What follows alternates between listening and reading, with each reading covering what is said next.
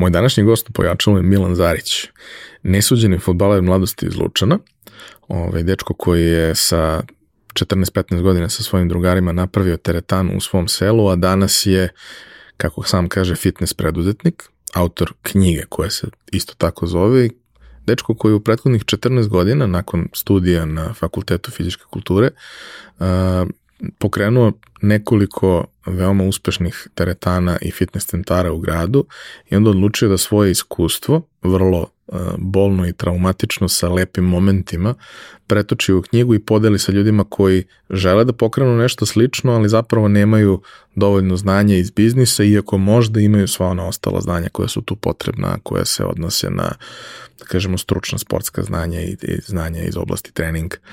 Um, verujem da iskustvo koje može da podeli i to što je kao klinac ušao u sve to puna srca i uh, uvek nalazio način da i bez sredstava dobije ono što želi, može da bude vrlo vredan za svako ko hoće da pokrene nešto, a ili nema ili možda ne želi da odvoji sav kapital koji ima za ideju koja je možda rizična. Takođe, kao što rekoh, Milan je autor knjige Fitness preduzetnik i troje vas koji se prvi javite u komentarima na YouTube-u će dobiti knjigu sa posvetom na, na kućnu adresu. Uživajte! Realizaciju ove epizode podržala je kompanija Epson, koja je vodeći proizvođač projektora i štampača za sve namene, od kućne i kancelarijske upotrebe do profesionalnih uređaja koji se koriste od maloprodaje do industrijske proizvodnje. Već 20 godina u nizu proizvode najbolje projektore na svetu, a prvi štampač napravili su pre više od 50 godina. I dan danas svaki godin ulože preko pola milijarde dolara u istraživanje i razvoj novih proizvoda sa fokusom na održivo poslovanje i očuvanje životne sredine. Upravo zahvaljujući tome, njihovi inkjet uređaj najnovije generacije prave 94% manje zagađenja od konkurencije uz maksimalan kvalitet otiska. I vaš mobilni telefon koji sada nosite i na kome nas možda slušate i gledate, najverovatnije je napravio robot koji je stigao iz Epsonove fabrike. Roboti su super. Japanski roboti pogotovo. Za slučaj da želite da nas podržite vi individualno, uh, možete da posetite link u opisu podcasta na platformi Buy Me a Coffee i tu možete kupiti mesečnu pretplatu ili jednokratno donirati neki jednost koji želite. Hvala vam unapred na tom.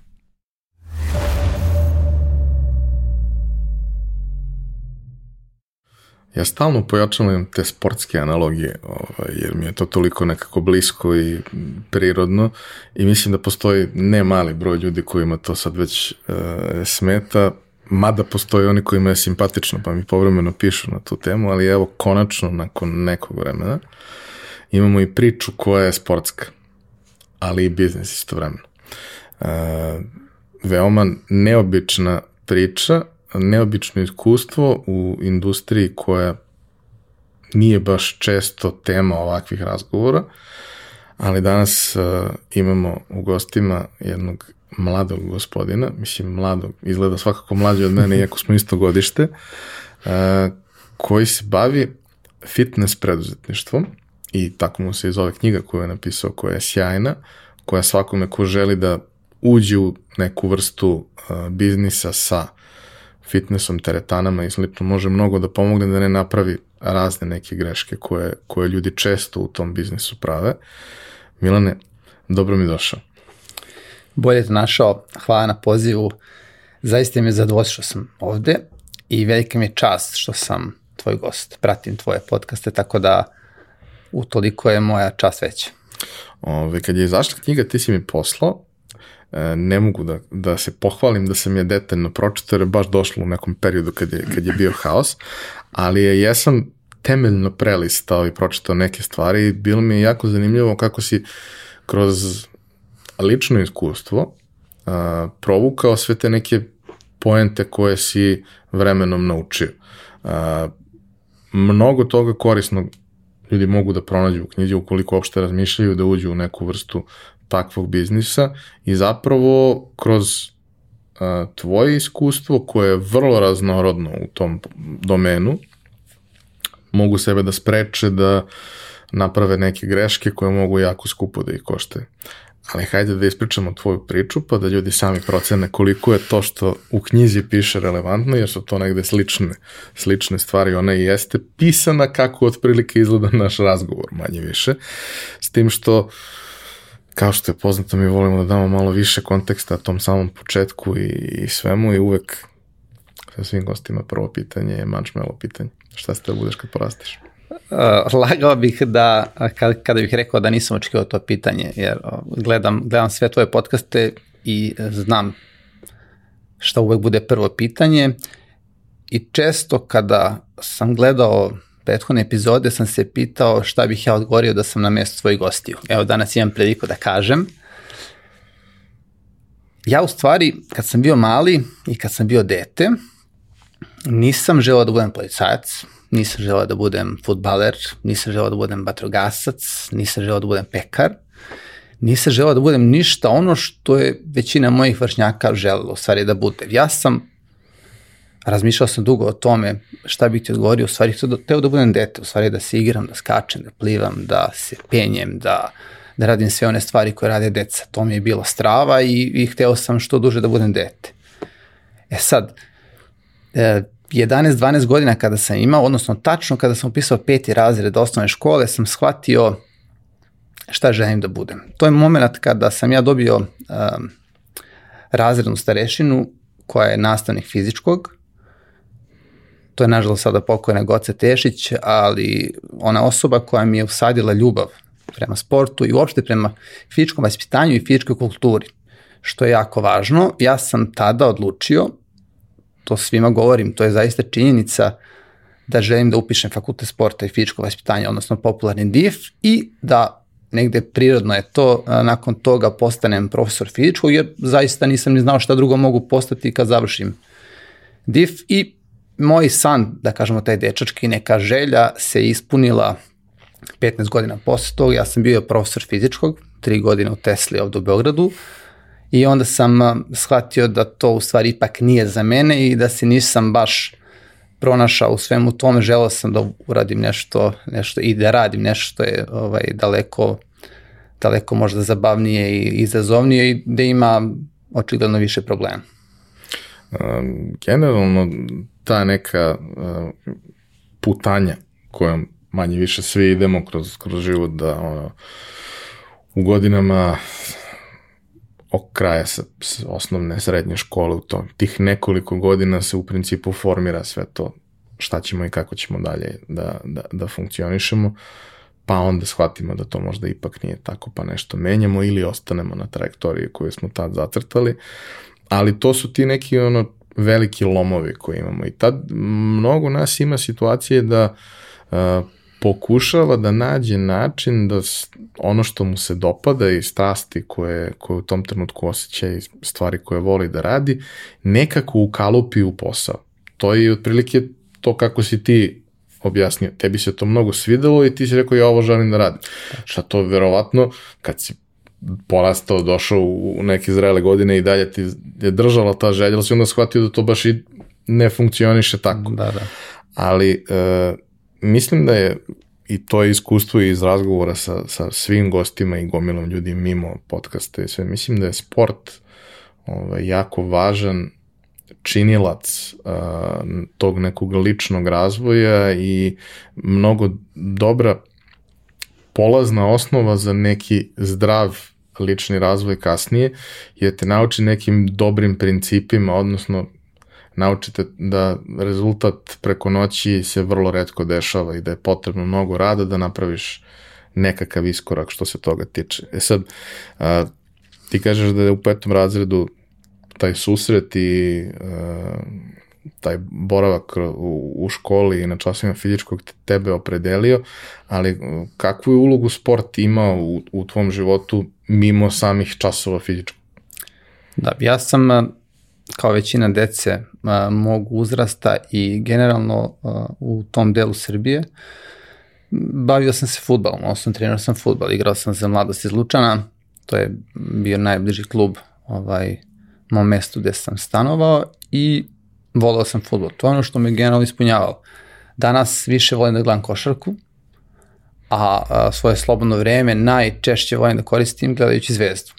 Tako da sam ja ovaj, od tim nekim odrastanjem zavoleo sport, a, zavoleo najviše te kolektivne sporte, u stvari meni je to bilo dobro i zanimljivo i, i, i zato što je to negde ekipa, druženje, ljudi koji sarađuju, to je ono što je mene uh, privuklo, to je ono što sam ja voleo. A dolazim iz uh, jednog vrlo malog mesta koje se baš nalazi između Požege i Lučana, to selo se zove Gugalj, u knjizi sam napisao ovaj vrlo, onako ja bar mislim, interesantno poređenje Google-a i Googlja da bi ljudi mogli da zapamte u stvari odakle sam ja, jer to mesto po popisu iz 2011. godine ima 244 stanovnika. To je jedna, da kažemo, omenja zgrada u Beogradu. Po novom popisu projekcije, ću da, projekcije su da će imati 30% manje ljudi, što znači da ćemo biti ispod, ispod 200 stanovnika, ali to mesto je mene definitivno oblikovalo, oblikovalo u svakom pogledu, ne samo, ne kažemo kao čoveka, već i kao nekog sportskog stručnjaka, osobu koja se bavi sportom, koja se bavi ljudima. Kada sam upisao treću godinu zapravo srednje škole, ja sam zajedno sa svojih pet drugara u svom mestu, u Googlju, napravio svoj prvu teretanu. Ja e sad bukvalno napravio. Te godine Lučan je recimo nije imao teretanu, Požega imala jednu teretanu od 40 kvadrata, I sad zašto, o, o, zapravo dakle nama ideja da mi napravimo teretanu i zašto smo uopšte pravili teretanu, šta će to nekome ko živi u selu.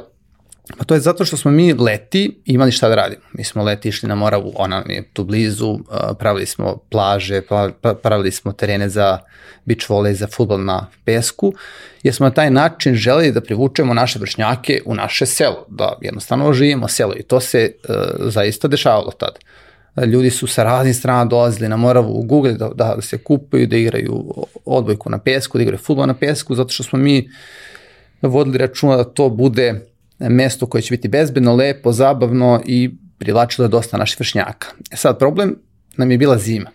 U malom mestu, u, u selu, u zimi nema šta da radiš posebno, osim da provodiš po kućama. E sad, pošto smo želeli da opet ostanemo aktivni, da se bavimo nekim sportom, mi smo, uh, pored toga što sam trenirao futbol, krenuo, krenuo sam i u teretanu. Teretana je bilo Požegi, nas pet je krenulo, ono, kad dođu gugaći u teretanu napune je, zato što je imala 40 kvadrata, šest ljudi kad dođe, to je malte ne puno. I mi smo nakon par meseci vežbanja shvatili da bi mi realno to mogli sami da napravimo, da to nije ništa komplikovano, da su to mašine koje su onako vrlo proste, i da to znanje koje mi imamo, a svako ima neku veštinu, možemo primeniti i napraviti teretanu koju bismo pozicionirali u naš dom, dom kulture, odnosno dom mesne zajednice, gde smo imali jednu prostoriju od 50 kvadrata i dalje smo se u, u, u taj posao. Praktično smo svaki dan išli da vežbamo, a kad smo vežbali mi smo i merili uglove, dužine tih šipki, zapisivali sve, iskopirali jedan kroz jedan tu teretanu iz Požege, iz Požege i uh, krenuli u re realizaciju upravljanja u Google. Pošto smo bili klinci, nismo imali novac, nama je prvo treba metal.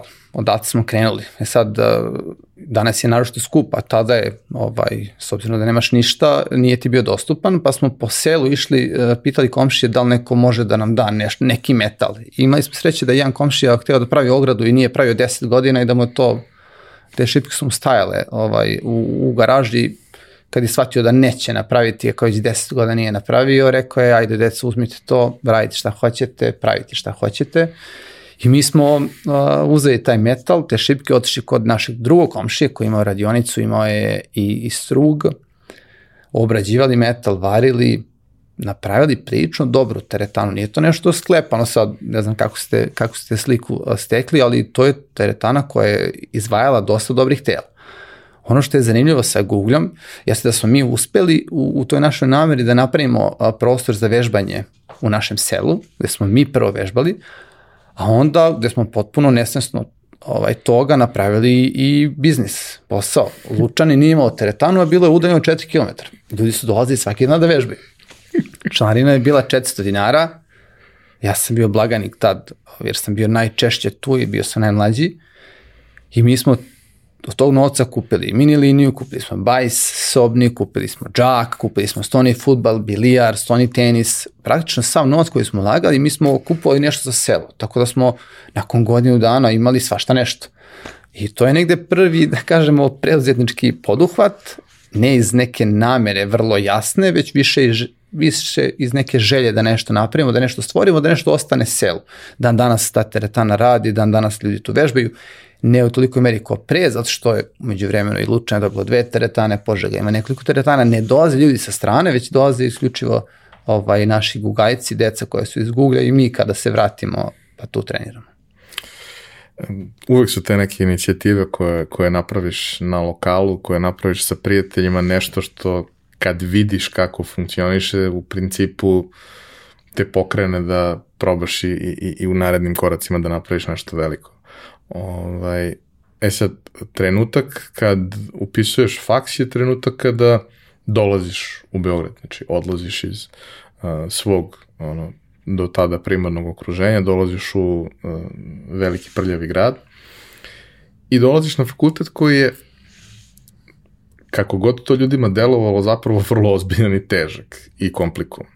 Uh, kako je uopšte izgledalo, znači ti si znao da to želiš, znao si već dugo, ali trebalo je i pripremiti se adekvatno. Ja se sećam u periodu nekog mog odrastanja, to osnovne škole, e, mi smo imali nekoliko momaka koji su se u našoj školi spremali za prijemni, zato što nisu imali nigde drugo pristup gimnastičkim spravama, a mi smo ih imali nekoliko, a oni su imali iz nekog razloga da polažu to sve. Ovaj, I često smo mi klinci neko ko je, šta, 4-5 godina stariji od nas, ništa posebno, propitivali hiljadu i jednu stvar, jesmo su u tom trenutku svi ložili da ćemo se možda ne baviti difom, ali bavit ćemo se nekim sportom i to. Naravno, niko se ne, nije bavio sportom posle, samo rekreativno. Ovaj, ali kroz celo to iskustvo ja sam zapravo i, i kroz razgovore kasnije sa ljudima ja sam zapravo shvatio koliko je taj fakultet težak, što nije čudo jer u pitanju jeste izuzetno odgovorna stvar, izuzetno važna stvar za, u životu svakog od nas. E sad, kako to izgledalo iz tvog ugla? Ja sam došao u Beograd 2004. godine. Ono što je meni bila olakšavajuća okolnost jeste da je moja mama iz Beograda, pa su meni tu bili babi i dede, ja sam bio kod babi i dede na Karaburmi, što nije baš dobro ako studirate na Vidikovcu, što znači da praktično putujete 23 od početne stanice do gotovo krajnje, nekada je taj put znao da bude po dva sata, pa sam ja na ispite ili kad neke, neke obaveze koje su malo, da kažem, odgovorio da ne smem da zakasnim nikako, ono, kretao dva, dva i po sata ranije, malte ne kao da živim u Požegi, a ne, a ne u Beogradu. Uh, fakultet, ja sam zapravo od starta znao da je prijemni ispit izuzetno težak. E sad to što pominješ gim, gimnastičke sprave, uh, jedan deo prijemnog ispita. Prvo on traje dva dana.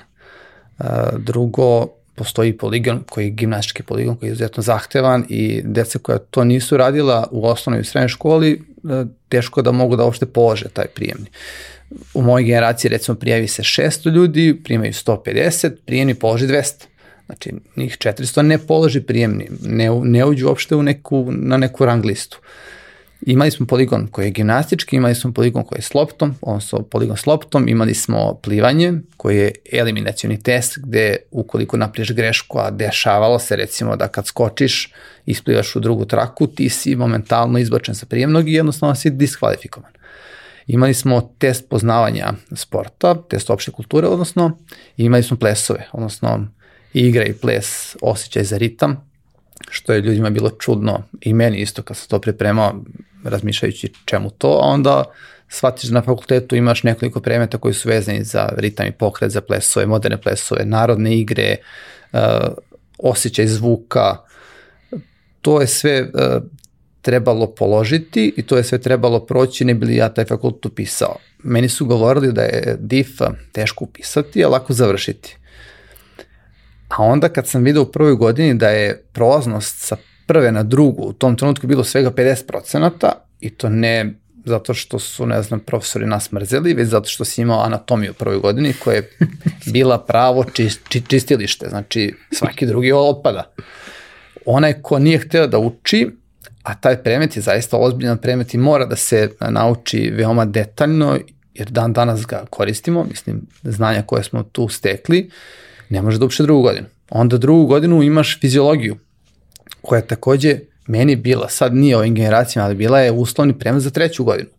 Pa onda pola ljudi ne upiše treću godinu zato što ne, ne uspe da položi fiziologiju. Kasnije dolazi biomehanika, motorna kontrola. To su sve predmeti koji su izuzetno teški, ali izuzetno potrebni. Ja sam, ajde tu anatomiju manje više bio sam spreman na to da je to teško i učio sam to ono mesecima, ali sam se pitao čemu ta fiziologija, mislim, šta mene briga, uh, koji su izvori energije, uh, šta mene briga, šta se stvara kao nus proizvod treninga, ali je činjenica da to sve treba sutra kada počneš da radiš. Ja sam imao sreću da sam, mislim sreću, ali i neku svoju inicijativu i želju da ta neka svoja teorijska znanja. Ma, malo sam shvatao da gubim poentu svog, svog tog učenja i htio sam da počnem da radim. Ja sam, kad sam upisao drugu godinu, 2005. godine u novembru, odnosno ja sam u oktobru mesecu konkurisao za posao u i teretani u Beogradu i želeo sam da do tada stečena teorijska znanja primenim u praksi. I nakon toga mi je bilo, mogu reći, sve lakše. Iako je to onako možda malo paradoksalno u smislu, dosta vremena sam radio, ali sam radio isključivo vikendom. I radnim danom kad sam trebao da radim neke zamene, žrtvovao sam slobodno vreme da bih nešto naučio i da bi opet e, video svrhu učenja na fakultetu.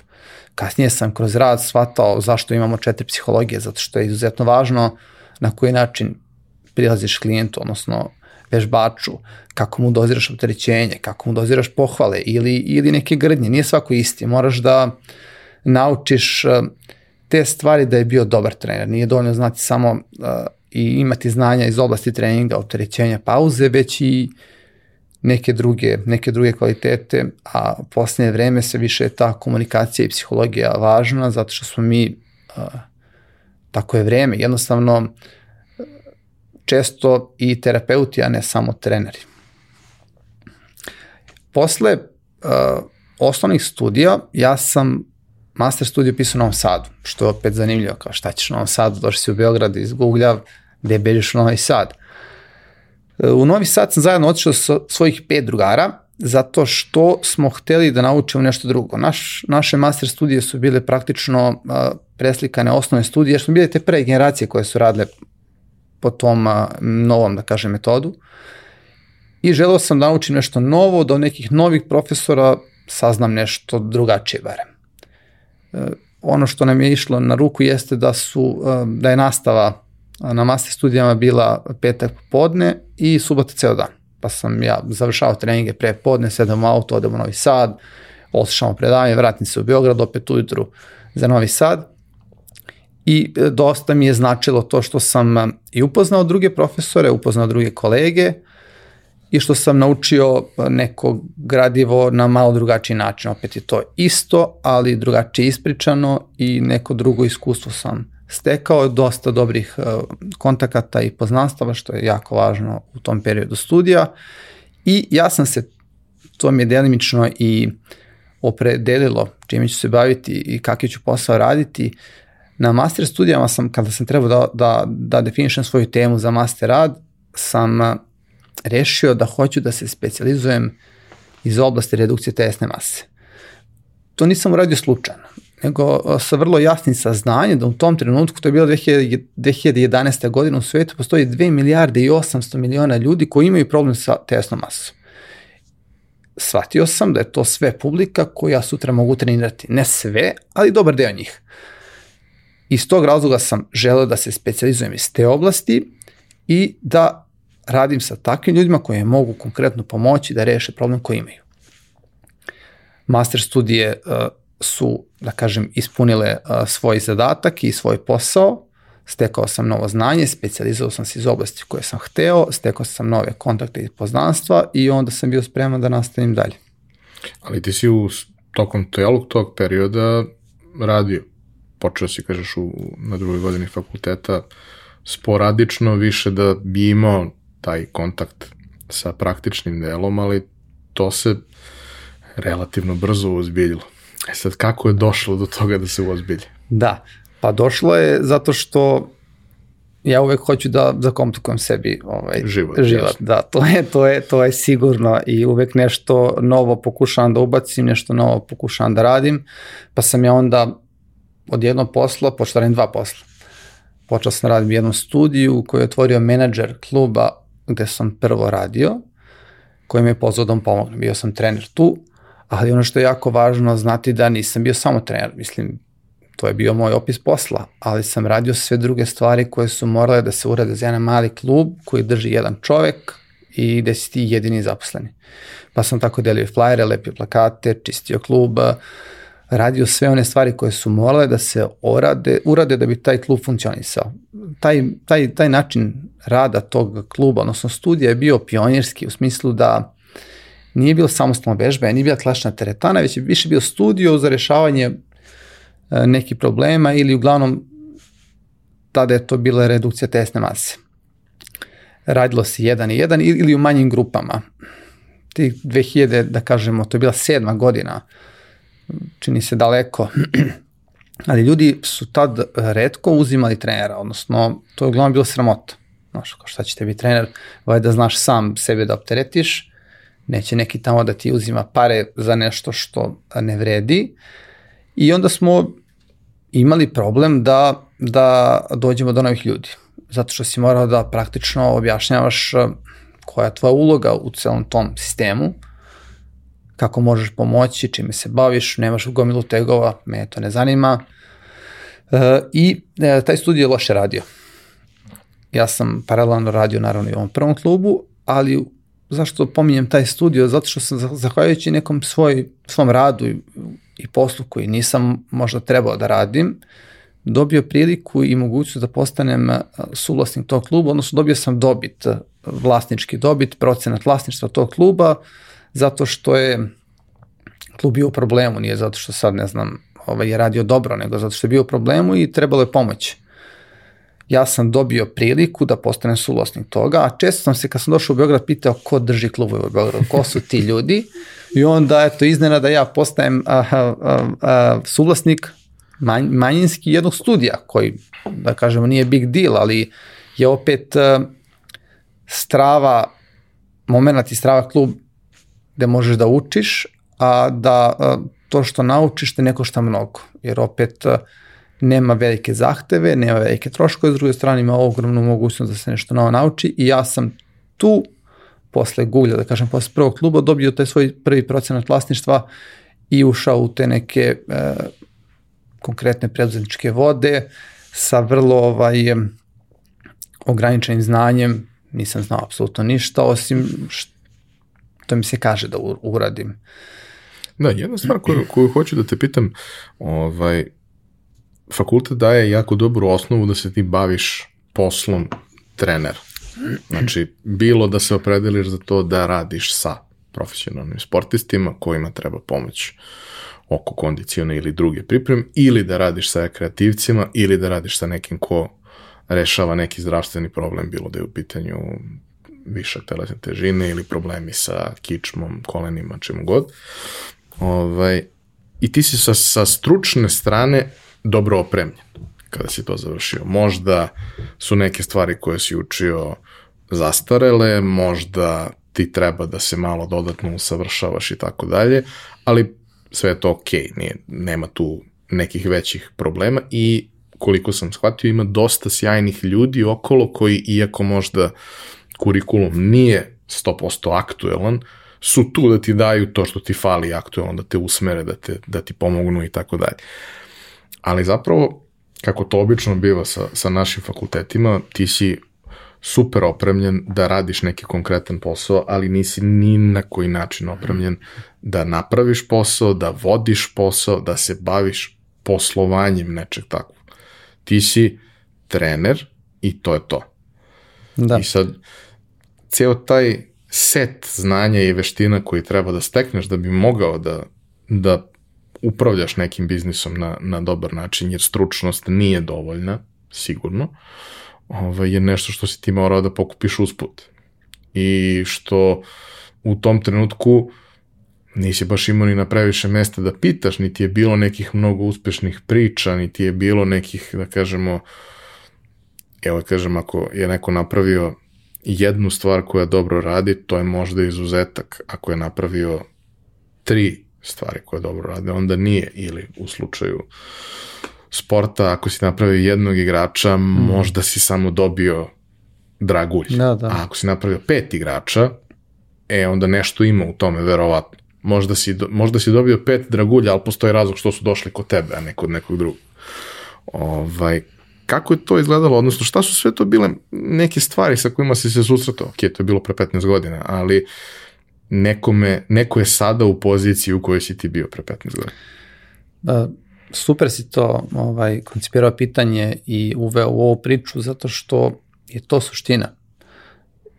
Ja moj fakultet um, zaista poštojem da vam je divna znanja i kod mene u klubu rade isključivo ljudi koji su samog fakulteta i koji su završili ovaj, ili studiraju moj fakultet, zato što mislim da su znanja koje se tu dobijaju izuzetno dobra. Sad neko će možda reći da nisu dobra, a ja, bar ono što sam ja prošao, koliko se ja sećam i što vidim sad kroz saradnju sa fakultetom da mi dolazi dosta dece na praksu, vidim da dobar deo njih, koji je naravno hteo da uči, ne većina, su kvalitetni treneri, bit će dobri treneri biće, biće baš dobri treneri, ali da bi bili uspešni treneri, nedostaje im mnogo toga što im fakultet nažalost nije dao. E to su ta neka znanja u komunikaciji, e, neka znanja iz marketinga, iz generalnog biznisa ili preduzetišta uopšte. Razlog zašto sam i knjigu napisao jeste da pomognem tim ljudima, zato što sam ja imao ogromne probleme, razno razne prirode i sa zakonom i sa drugim ljudima i svega je tu bilo i svega toga sam ja naučio nešto drugo i želao sam da to svoje iskustvo prenesem drugim ljudima, ne bili oni možda manje grešili i ne bi im bilo možda malo lakše nego što je bilo meni. Ja nisam imao od koga da učim, nisam imao od koga da, koga da pitam, pa smo recimo, eto, primjera radi taj klub koji je, da kažemo, neki prvi pravi preuzetnički poduhvat je bio zapravo naš klub koji je došao 2008. godine, kad sam imao 23 godine. To je bio i dan danas radi klub u, u ispod malog taša kod Vukova spomenika, uh, koji je se prodavao, ali mi za novac, on za kupovinu nismo imali tog kluba, pa smo opet našli način kako ćemo ga pre, preuzeti. Sad neću o tome da dužim, ali ću uh, da ti kažem problem koji smo imali godinu i po dana nakon početka poslovanja. Ne, ne, ne. Ispričat ćeš kako je išao taj proces, kako ste se e, dogovorili, zato što mislim da je to, prvo, mislim, ok, bili ste klinci i beskreno sve to simpatično i smešno, ali način na koji ste pristupili rešenju problema je zapravo sjajan, jer će siguran sam nekoga sprečiti da zarobi ogromnu količinu novca s kojom kasnije ne može da uradi ništa. Da. Znači šta je, šta je bila priča? E, klub se prodavao, da, da. ali se prodavao neko vreme i nije bilo Jeste, zainteresovan. Da, da, klub se prodavao, prodavao se za, evo, konkretna cifra je bila 20.000 eura. To je bila 2008. godina i to je bio ono ogroman novac. Mislim, ja nisam poznao nikoga ko taj novac ima, ni da neko moj zna nekog ima taj novac, apsolutno. Meni to bilo kao danas, ne znam, neki milioni, mislim. Ali klub se prodavao i ja sam želeo taj klub da pogledam. Pa je iz neke uh, više više neke zabave, čisto im šta to bre vredi 20.000 eura, da im šta je to, kako to izgleda. I onda smo otišli, ja i Goran, moj tadašnji partner iz, iz tog studija, smo otišli da pogledamo klub, nalazi se, kažem, kod Vukova spomenika, imao je 220, dan danas ima 220 kvadrata, što je netipično za klubove tom periodu, gde su uglavnom bili 100-150 kvadrata. Sad to ljudima možda čudno, jer su uglavnom 1000 plus kvadrati, ali tada to bilo iznad proseka kvadratura. Naravno, nalazio se u podrumu, jer gde drugo treba da budu klubovi nego u podrumu, odnosno suterenu, ali kad siđeš kroz te kružne stepenice koje ona, čini se da su beskonačno dugačke, dolaziš u prostor koji ima 7 metara visine. Ja kad sam ušao, meni je to bio hram sport. Veruj mi, ja sam ono, pao. Pao bukvalno na dupe kad sam vidio to kako to izgleda. Rekao je, to je klub koji bih ja volao da imam. Pritom taj klub imao uh, Panata opremu, eto da ljudima bude jasnije šta je to, to je premium brand, fitness opreme, a u tom trenutku većina klubova, preko 95% klubova u Srbiji imalo handmade sprave, kao što smo imali u Google, znači pravljene sprave. Nisu se kupovale brendirane, je oprema iz Italije bila i zaista su bile fantastične. I imao sam ogromnu želju da na neki način dođemo do tog kluba, da ga, da ga preuzmemo, ali nisam imao novac. Ali sam zajedno sa Goranom vraćajući se u naš studio počeo da razmišljam na koji način bi mi mogli da ipak preuzmemo taj klub. I pa mi na pamet da bi mogli možda da pitamo da nam on izrentira te spravi taj klub. I rekao, aj, ok, super ideja, ajde da pravimo, što ne. Pozvali smo ga, rekli smo, ovaj, imamo predlog, on rekao, super, ajde, do, dođite da, da porazgovaramo i sedi smo u kafić preko puta teretane, gde on da, mislim, nije znao ko smo. Mi došli su dvojica klinaca. Znači sad neki klinci došli tu uh, u šorcu i majici papučama da pregovaraju o, o klubu koji košta 20.000 eura. I ja sam ga pitao, rekao, mi bismo hteli da uzmemo vaš klub, izuzetno smo zainteresovani, mnogo nam se sviđa, da li postoji opcija da vi nama taj klub izrentirate? E ja, čovjek je tu ovako malo i, i, i, i, i popizdeo, znaš, došli ste da mi nudite nešto, a ne novac. Uh, I rekao, ok, prekinuo me, rekao, ok, dobro, može. Uh, tri mesečne rate za sprave, tri mesečne rate za prostor, unapred, sprave su 700 evra mesečno, prostor je 133 evra mesečno. To je moja ponuda, uzmite ili ostavite, nemojte više trošiti moje vreme, kad sam dolazio ovde, što sam dolazio. Sad, tu neki inat, valjda se budi u meni i neki prkos, jer on, znaš, ne shvata me ozbiljno. Sad, kao neki klinac, pa sad hoćeš da dokažeš da si ti ipak ozbiljno postu. Ja rekao, ne, ne, ok, može, dogovoreno, pružim ruku, rekao, super, kaže, donesite mi novac su, sutra u isto vreme u ovom kafiću ovde.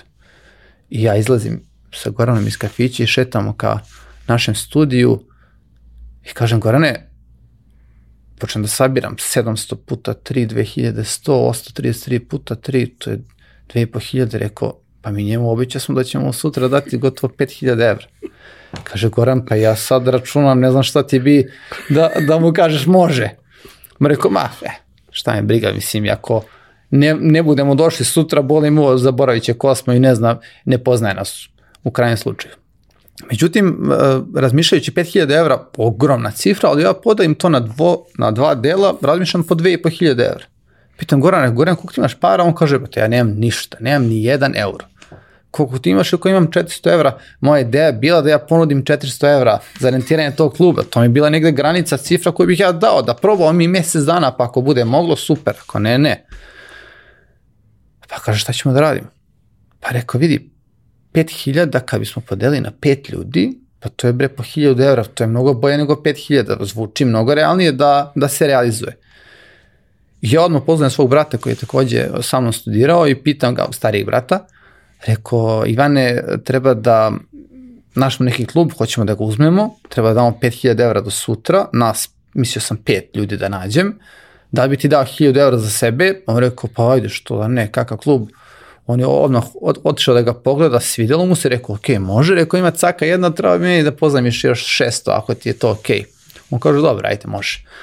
I meni moj brat dao 600, ja sam imao 400 i mi sad imamo tri partnera i 2000 eur. Fali nam još 3000 eur. Radio sam smenu u, u toj teretani to posle podne i došao je jedan drugar, ovaj, naš koji je zajedno sa mnom ovaj, radio i onako u prolazu sam ga pitao, je obi, jel bih htio da budeš partner u našem novom klubu, više kroz šalu neku, jer ta, to sam tako tad doživljavao kao neku zabavu, ajde da nađem nekog ko će dati 5000 da, da, da probamo da radimo tu. I obi kaže, šta, gde, Pa da, što da ne, mogu bi da dam, ajde, skupit ću. Kad treba, donesi neko treba doneseš danas ili najkasnije sutra.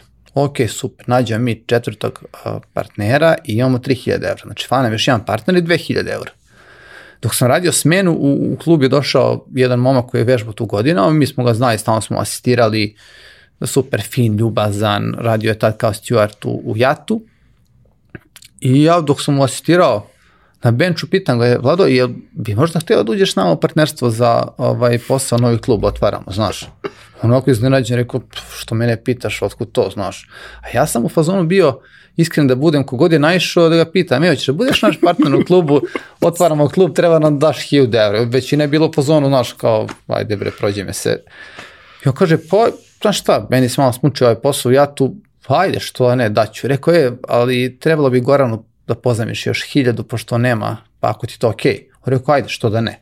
Bez viđenja kluba, on to pristane, mi skupimo te pare do sutra i damo 5000 eura čoveku sutradan i kupimo mir i priliku da radimo u klubu tri meseca. I zaista smo tako i razmišljali. Ajde pravimo tri meseca da vidimo šta će da bude. Možda napravimo posao, možda ne napravimo, ali sledeća tačka je za tri meseca. Za tri meseca moramo da skupamo ponovo 5000, ne bili nastavili posao. Uspeli smo da skupimo, isplatili smo, dobili smo ključ i sećam se, ušao sam u klub, to jutro kad smo, da kažemo, postali vlasnici, ono se preuzeli klub, na galeriji bio kafić, odnosno par stolova ovaj, gde su ljudi mogli da sačekaju. Ja sam razumeo da se vlasnik kluba postoje tako što se isplati novac nekome koji si dogovorio, koji ima ključ, čovjek koji ima ključ, on ti da ključ, ti dođeš u klub, otvoriš, upališ muziku, upališ svetla i popijem se gore na kafić, seo sam na fotelju, tu digo noge na sto i rekao, Milane, svaka ti čast, postao si vlasnik kluba u Beogradu. I šta sad? e, to je bilo ovaj, uh, zaista moment kad sam ja, što bi se reklo, krunisao sve nas u vlasnike kluba i mislio sam da se to tako ovaj, radi. Jednostavno nisam znao da postoji niko druga procedura, da treba da se ide u APR, da treba da se registruje negde to, nego sam mislio da to funkcioniše tako kao što je funkcionisalo u Google, ko ima ključ, on je gazda i to je to. Mi smo radili sve poslove, znači od rada u smeni, od čišćenja, opet lepljenja plakata, flajera, animacije ljudi, vodili smo treninge svima. I razlog zašto je e, taj klub uspeo i tako brzo došao do klijenata jeste što je nama retencija, odnosno zadržavanje ljudi koji novi dođu u klub bila 100%. Svi su bili zadovoljni jer smo svima držali personalne treninge, te ne za članarinu od 1000 dinara. I niko nije odlazio. I mi smo klub vrlo brzo napunili, nakon tri meseca ponovo skupili pare, dali za nova tri meseca i to je tako išlo, tri meseca, tri meseca, tri meseca. I nakon pet godina rešili da bi mogli da otplatimo mi te sprave, da više ne plaćamo taj harač toliki i da barem tu omču oko vrata koja nam je bila svaka tri meseca skinemo, da probamo lakše da dišemo, što smo i učinili nakon pet godina smo platili te sprave i postali vlasnici isprava, prostora naravno ne, rentirali smo ga, a smo posle toga sa mnogo lakše, sa mnogo manjim trećenjem jednostavno poslovali. Šta se desilo? Desilo se to da nismo registrovali klub, da smo radili, I godinu i po dana, recimo nakon otvaranja kluba, ja sam bio, da, da, ne, e, moram prvo da, da kažem šta je prehodilo tome. Znači ja sam e, čuo da mi treba to da registrujemo negde na proleće. I ja sam rekao, ok, šta, gde treba? I ja čujem od nekog trenera koji radi u nekom klubu, pošto nisam poznao nijednog vlasnika, da kaže pravog vlasnika kluba koji je to registrovao na neki legalan način, ovaj pravi način kako se to radi rekao mi ideš bre u ministarstvo omladine i sporta, tamo si, tamo će ti oni sve rešiti, pokazati, završit ćeš to. I ja odem tamo i ono što je isto ovaj, zanimljivo i pokazuje o tome da ja nemam pojma ništa o tome kako funkcioniše uh, država, ja odem u šorcu u majici, jer sam ja ceo fakultet završio u šorcu i majici, to je meni uniforma bilo. I pre da me vrate. I ja rekao, ja, evo, to mi, ovi nam ne daju ni da završimo ove stvari koje treba da uradimo i sutra dođem, naravno, ovaj, u, u dugim pantalonama. I na tu informaciju da dobijem, dobijem ovaj, informaciju da treba da se popijem na taj neki sprat drugi, treći i da ću tamo dobiti formular koji treba da popunim i to je to. Ja odem gore, popunim taj formular, upišem sebe kao ostivača i mi se registrujemo kao sportsko udruženje u Ministarstvu omladine i sporta. To je bilo, da kažemo, tada tako. Prilikom izlaska iz uh, zgrade Siva, mene žena koja mi je primila taj podatak kaže, e sad Milane idi pravo u APR i tamo završavaš dalje. Ja izlazim sa zbunja, rekao, što ova priča, kakav bre APR, šta je to, ovaj, šta daje da završavam, ovi su neki da samo treba da završim ovde. Rekao, ajde, ja na netu da im šta je taj APR, vidim APR Brankova, rekao, to mi je usput kad klubu tamo, ću da svratim i tamo. Ja odem tamo, dobijem zaista to super funkcioniše taj sistem, dobijem sve šta treba, popone mi sve ovaj, uh, papire i sad treba da stavimo osnivače kosu, oni svi potpišu, sutra se vrati, mi to sve zavedemo, idite u banku, otvorite račun, mi dobili račun, dobili smo neki PIB, stoji to rešenje nama u klubu tu i to je to. Mi poslujemo dalje, registrovani smo zakonski sve, postojimo ponosni na sve to, naravno taj račun ne koristimo, sve ide cash, hvala Bogu, ništa ne ide preko računa, pitam se čem, čemu služi uopšte, ali nema veze, imamo mi to sve, sve smo završili.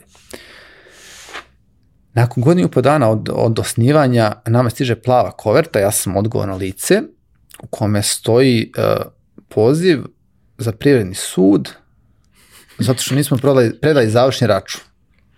Šta je bre ovo? A pritom su stizali neke koverte pre toga plave, uglavnom za prethodni klub. Ja sam bio u vazonu stalo šta su ovi ovaj, loše rade i ovako im stalno stižu plave koverte. I tu sam mislio takođe da nije za nas. I vidim svoje ime i vidim kazna za fizičko lice 50.000, za pravno lice 200.000. Rekao, šta je bre završni račun? Gde mi to predajemo? Kome mi to predajemo? Šta je to uopšte?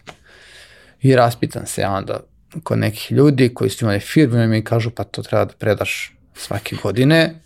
Rekao, pa ko to radi? Znaš, pa kaže, radi knjigovođa, imaš ti knjigovođu? Rekao, pa nemam knjigovođu, nisam znao da treba da imam knjigovođu.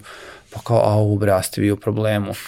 Pa rekao, šta možemo da uradimo? Pa kaže, pa ništa i na to suđenje vi vidiš šta mislim, plaćaš tu kaznu, 50.000, 200.000, a ta kazna, mislim, euro je bio manje od 80, a to je preko 3.000 evra kazna. Znači mi ne da nemamo te pare, nego praktično ako nam daju tu minimalnu kaznu, mi klub zatvaramo. Ja se sećam da sam svojim klijentima pred odlazak, odlazak te nedelje na sud rekao, evo od ponedeljka ćemo verovatno da vežemo Natašu lepo je vreme gore, super će biti da malo promenimo, znajući da mi ovaj klub zatvaramo praktično od ponedeljka, ne radimo 100%, nekima sam čak i rekao, rekao računajte, rekao od ponedeljka mi ovde nismo, idem na sutra na ovaj sud, to je to, stavljamo katanac i čao, završili smo priču, mislim, ne možemo da platimo. I e, drugarica, odnosno od mog drugara majka je bila advokat i ona kaže, ajde napiši na papir sve to što si meni rekao, da nisi znao, da ste mladi, da, i kaže samo kuka, što više kuka i, i stavi to da, da, da baš prikaže to kako je realno, iako, iako kaže teško da će si iko poverovati. I tada sam trenirao i dalje treniram o, tada mladog glumca Ra, Rašu Vojovića, e, da ja njemu kažem, ako treba da idem na, na sud, znaš, on mi rekla samo da kukam tamo, kaže on, pa vidi, ne možeš da kukaš, a da stojiš pravo, rekao, moraš da kukaš malo, da se saviješ dole, spoji glavu, gledaj ka podu i kukaj, kukaj, samo priče, moraš da samo nabrajaš, nabrajaš, nabrajaš. Ja sam imao taj spisak, tu molbu, ja ti odem na prijemni sud Masarikova, sad koja je to ozbiljnost. Ja sam klinac, eto, 24-5 godina tad imao, I odem sud i sad, ne znam da je neko bio, nadam se da nije, imate sudnice. Ja sam pre toga bio jednom sudu za saobraćajni prekršaj neki i to imaš jednu sudiju i jedan koji piše i to je to, neka mala sobica. Ovde dolazim i sad na vratima stoje firme koji taj dan imaju suđenje. Ja vidim, piše, sećam se, bio je ja Tervez, Šećerana, jedna iz sportskog udrženja City. Ovo rekao, smo mi u, da ne kažem čemu, zaglibili duboko, na, najbali smo. I sedim sam u hodniku i sad došao sam nešto ranije i izlaze iz sudnice deset ljudi, svi crna odela, kao neki Men in Black, tad sam gledao taj film i izlaze svi jedan za drugim ljuti, nervozni, ba, ba, ba, ba, ovaj prozivaju sportsko udrženje City, ja ulazim i scena ko na filmu, nisam očekivao uopšte to. Pet ljudi ovako sedi. Pet ljudi sedi na nekoj velikoj katedri, ja ulazim, kaže on, izvolite, još neko s vama? Ja rekao, pa ne, e, nemate zastupnika. Rekao, pa ja, ja, mi treba. Pa kaže, pa svi dođi sa advokatom. Pa rekao, nemamo advokata. Znaš, dobro, ajde, sedite. I sad oni čitaju, ja rekao, jel mogu samo, ja rekao, molbu da predam. Kaže ovaj sudija, kako bre molbu, nemaš pravo na to, prekrišaj je učinjen, to je to, mislim, o čemu pričamo, samo da vidimo koliko će biti kazna. Pa rekao, meni su rekli, ako mogu da pročitam ovo, pa kažem, ajde, pročitaj, kad već nisi došao ni sa kim, rekao, pročitaj to da ima šta kažeš ja krećem svoju ulogu, savio se do zemlje, povuko ramena kao unutra pa savjetu, ovaj, kak, kak, kakve mi je savjete rašao i čitam to, mislim, to je zaista bila istina. Nismo znali da smo mladi, da smo ušli u to misleći da se to tako radi, da sam ja u stvari grešku napravio što sam otišao u APR, jer su mi svi rekli, idi samo ministarstvo i tu stani. Ja sam ispod pošten i otišao u APR, pa završio to, niko nije znao da treba da se ide u APR od mojih kolega. Već svi su to završavali u ministarstvu omladine i sporta i da je to mene dovelo do toga da ja budem ovde ispred njih sad i da zaista nisam znao da mi treba knjigovođa, mislio sam da je to kao malo neozbiljnije, mi nismo neka firma, nego smo neki klub i da to, to jednostavno uh, funkcioniše na značno nižem nivou. U stvari si ti pravno lici koji svaki drugi, mislim, voli njih uvo šta ti radiš, a ti imaš svoj PIB, imaš svoje obaveze koje moraš da izvršiš. I sad ja to pročitam i ovaj glavni kaže meni, uh, šta sad mi treba tebi da poverujemo da je to baš tako. E sad ja izgledam onako malo mlađe, ovaj, kao što si rekao na početku emisije, sad, tad sam izgledao zaista kao dete neko. A ono, bio sam na ivici suza, jer to je to, završavamo našu priču, nema dalje. I on mi kaže, mi treba tebi sad da povjerujemo da je to zaista istina. Ja rekao, pa vi kako hoćete, rekao, to je stvarno tako bilo. Kaže on, ajde izađi napolje, pa sad ćemo te, ja izađem napolje, čekam, čekam, prije je prošlo minut. Uđite, ja uđem, kaže, vidi Milane, rešili smo da ti poverujemo, znaš, neverovatno, ali rešili smo da ti poverujemo i da te podržimo. Uh, usmeno si opomenut, neće biti minimalna kazna, da ja sam njima rekao da mi zatvaramo klub. Bežim iz ove firme, rekao, zatvaram, rekao, preuzeti što ništa mi više ne interesuje, samo na, pustite nas, rekao, bez kazne, mi ćemo izaći svega ovoga, rekao, neću više da se bavim mojim, nikad. I on kaže, jesmo te podržimo da nastavite da je da radite, uh, su, super je što ste tako mladi ušli u to, uh, usmeno ste opomenuti i imate rok 7 dana da uradite završni račun koji niste predali. I ja na sedmom nebu istoča, zovemo Jelenu, zovemo partnere, rekao je, radimo, ne, ne priče ljudima da zatvaramo, usmeno opomena i onda se razletimo po gradu tražeći e, knjigovođu koja mogu da nam uradi, za, mislim, što nema neko posla, nije bio niko prometa, ništa posebno, mislim, nismo ni koristili taj račun.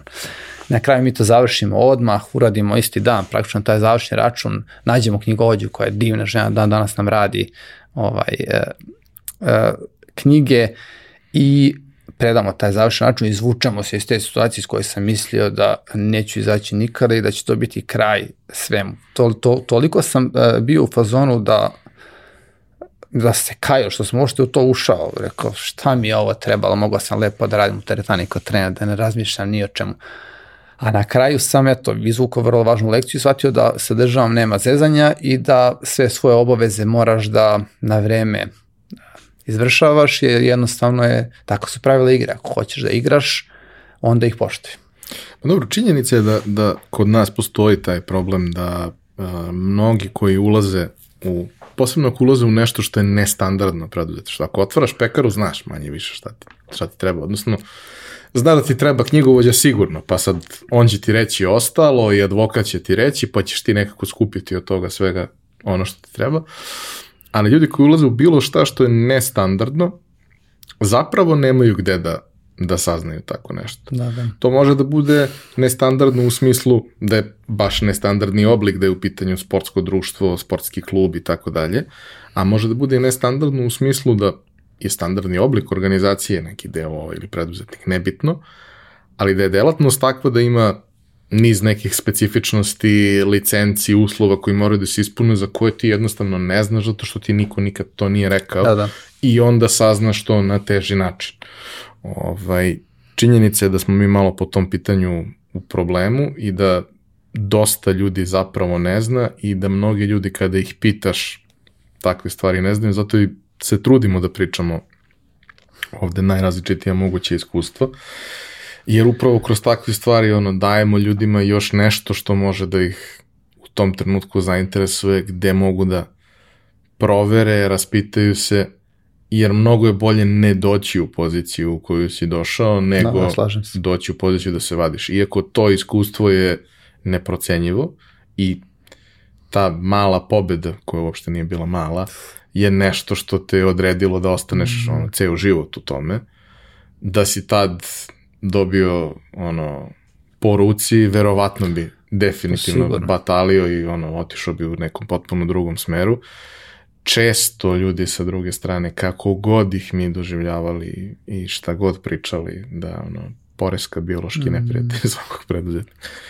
Često ljudi sa druge strane zapravo imaju razumevanja kada vide da je u pitanju neko ko je, ko je okej okay i uh, hoće da nađu rešenje, da izađu u susret, da naprave varijantu, da neće ti niko oprostiti dug koji imaš, mm. ali će ti naći varijantu kako da uradiš reprogram, kako da ga da. platiš iz mnogo rata i tako dalje, jer kao niko ne želi da ti ubije firmu. Ako je ubije, neće se nikad naplatiti. A ovako i država ima šanse da dobije ono što je pripada, a država može da sačeka što se kaže. Jel? To, I ona će da sačeka uvek, iza ćoška. Šalim se, naravno. Ovaj, dobro, to je, to je priča za, za, da kažemo, prvi ozbiljan početak prvog ozbiljnog kluba. E sad, a, šta si ti naučio kroz rad u tom klubu?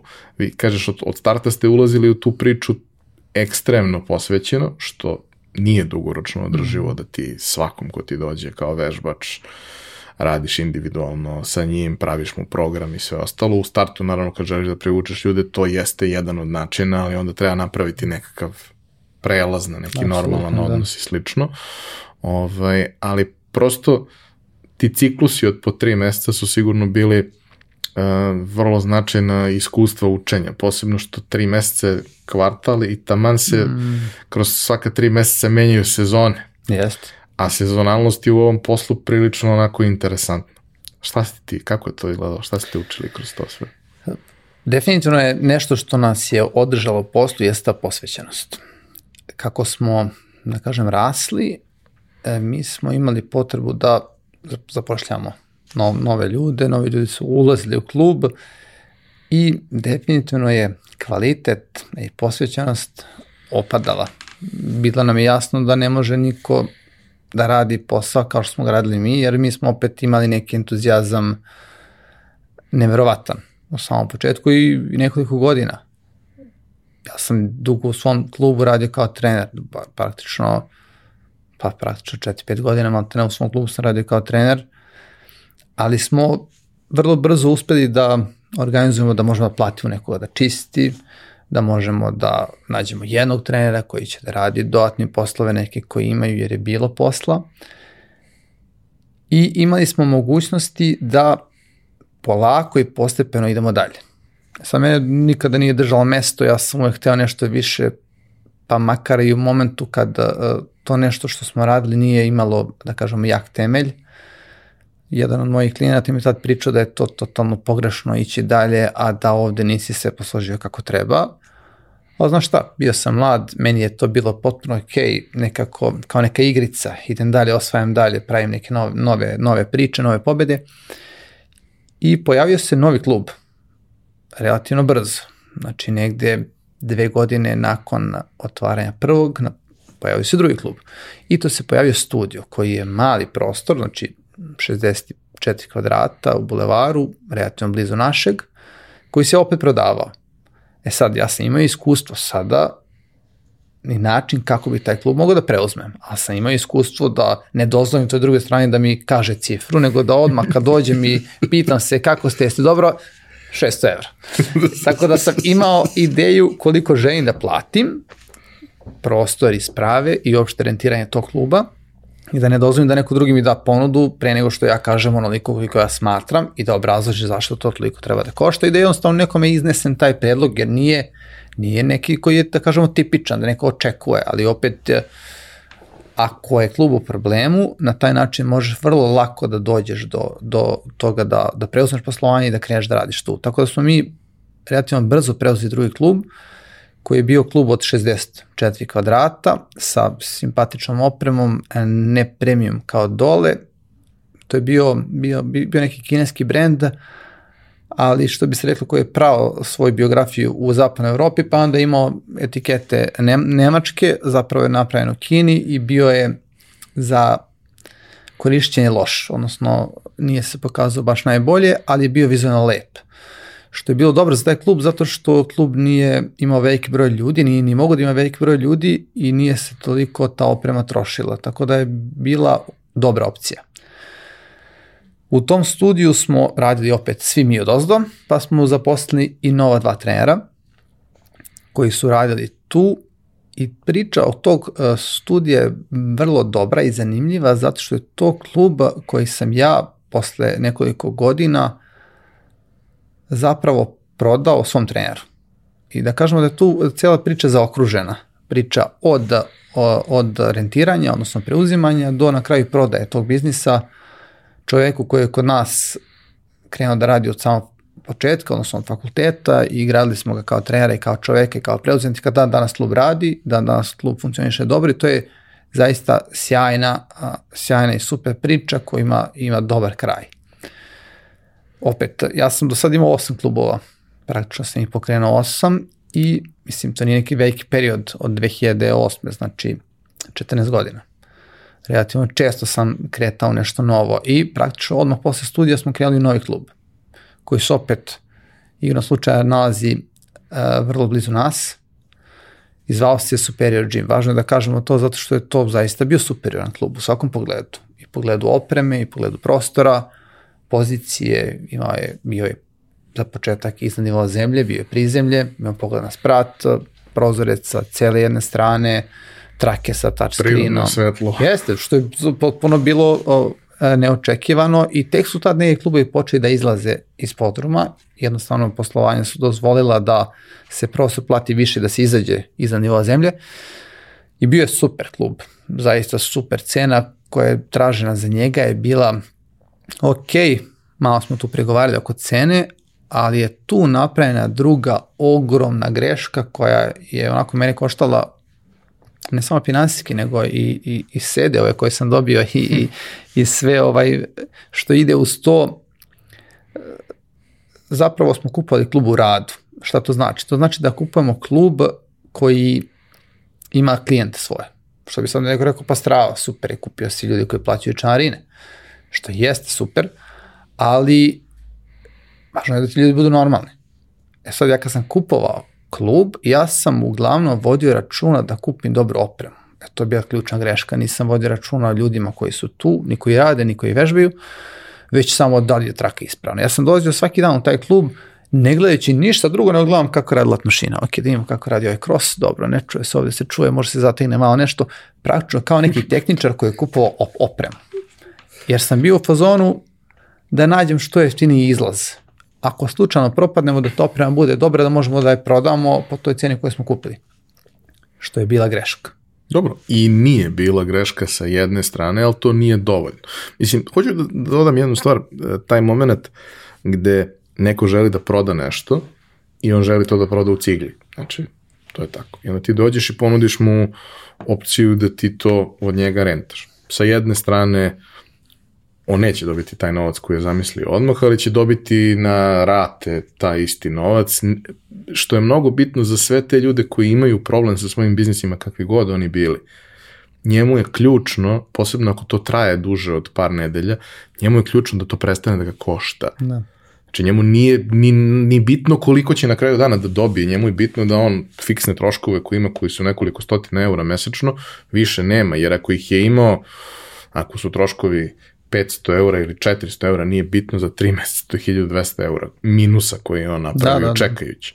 Onda kada ti dođeš i ponudiš mu nešto, možda čak i ne prihvati u startu, ali ti se javi za dve nedelje kad nema drugo rešenje i kaže, ej, samo da se rešim Jeste, problema, da. a tebi to daje prostor da sa relativno skromnim novcem probaš i ako se ispostavi da radi, onda možeš da kažeš, e, ajde da promenimo aranžman da ja ovo otkupim ili ajde da promenimo aranžman u, nekim, u nekom drugom obliku kako god da ga otplaćujem mm. narednih godinu dana i da ti ga onda otplatim i to sve, ali ti daje tu mogućnost koja mislim da je, zašto mi je to toliko bilo sve simpatično i interesantno, daje ti tu mogućnost da sa nekom količinom para Kreneš. koja je relativno skromna, što kažu ono, jedno dobro letovanje ili polovan auto ili nešto mm. slično, probaš nešto što je prilično veliko.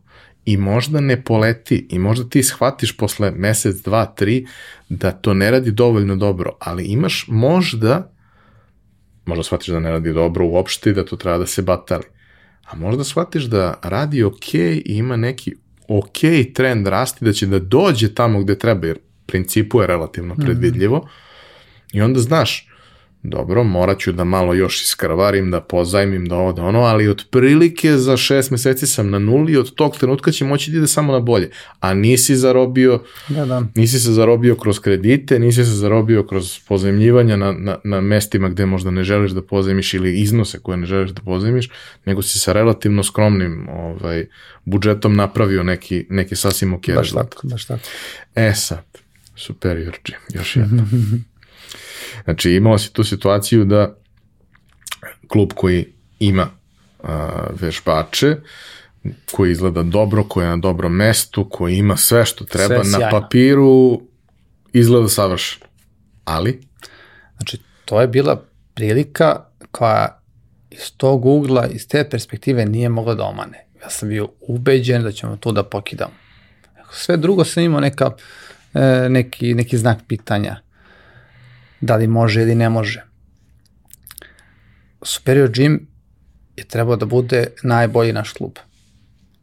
Imao je sve ono što si ti rekao, apsolutno nema mane. Mi smo, kad, kada smo preuzeli taj klub, jednog trenera povukli da radi prve smene, jedan momak je ostao da radi druge koji je bio u tom klubu. Ja sam već nakon par dana, smo mi radili, shvatio da postoji grupa ljudi koji onako mogu biti problematični. Ali sa druge strane smo imali onako vrlo agresivnu kampanju, reklamnu gde smo mi taj klub punili ovako, jer se razlikovao od svih drugih. Bio je stvarno superior, i od opreme i od prostora. Jednostavno, ljudi su dolazili. I to je tako potrajalo da smo mi klub vrlo brzo napunili. Pa recimo nakon dva meseca poslovanja kapaciteti su bili gotovo popunjeni skroz i super je poslo, bio sam oduševljen, rekao to je to, ovaj će nas klub dići ono, u nebesa, napravit ćemo čudo. Ima da otplatimo vrlo lako sve ovo. E, međutim, prvi znak za uzbunu je bila retencija koja je bila 5%. To znači da 100 ljudi nam dođe, drugi mesec uplati svega njih 5. 95 nestane. E sad, ako znamo da je osnov uspešnog rada fitness kluba visoka retencija, recimo bar preko 50%, znamo da ovaj klub u ogromnom problemu. Ali nekako je taj marketing i privlačenje novih ljudi e, zatrpava taj problem. Znači mi smo konstantno dovodili nove. Na, ok, 95 ne obnovi, dovedemo novih 100.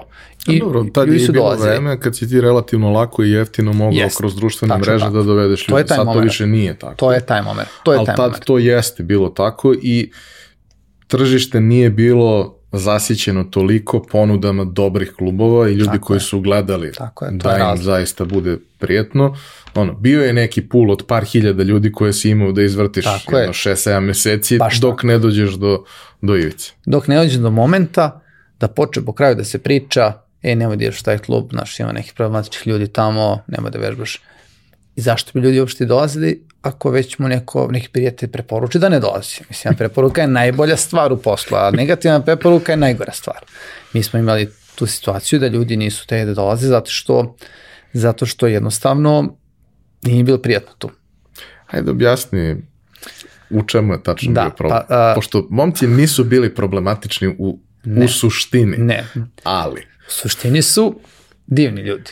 Ja ih danas dan viđam i super časte me kafu, pošalju piće, plate vodu 1000 dinara, evo, ne treba kusur, a džaba mu tih 1000 dinara kad niko drugi neće da vežba kad on dolazi. Zašto neće da vežba? Pa jednostavno zato što iz nekog razloga su morali da imaju obezbeđenje. I sad zamisli da ti, ja ne dolaziš kod mene u klub i na ulaznim vratima te čeka jedan čovjek koji te gleda, ko si, šta si, ulazi za tobom, onda drugi te čeka kod pulta koji pita ovo koji radi, jel ga znaš, jel proveren? I ovaj, moj trener kaže, znam ga, znam ga, Ivan vežba kod nas već godinama i ti prođeš onda u slačionicu, prošli si kontrolu i izlaziš iz slačionice, dolaziš u salu i sad tu je da kažemo taj šef, glavni lik, koji isto fin, ljubazan, tebi se javi, gde si Ivane, kako si, šta radiš. Međutim, imaju, što bi se reklo, alatke nedozvoljene. Sad, ne mogu da vežbaju sa tim stvarima džepovima, nego moraju da stave pored.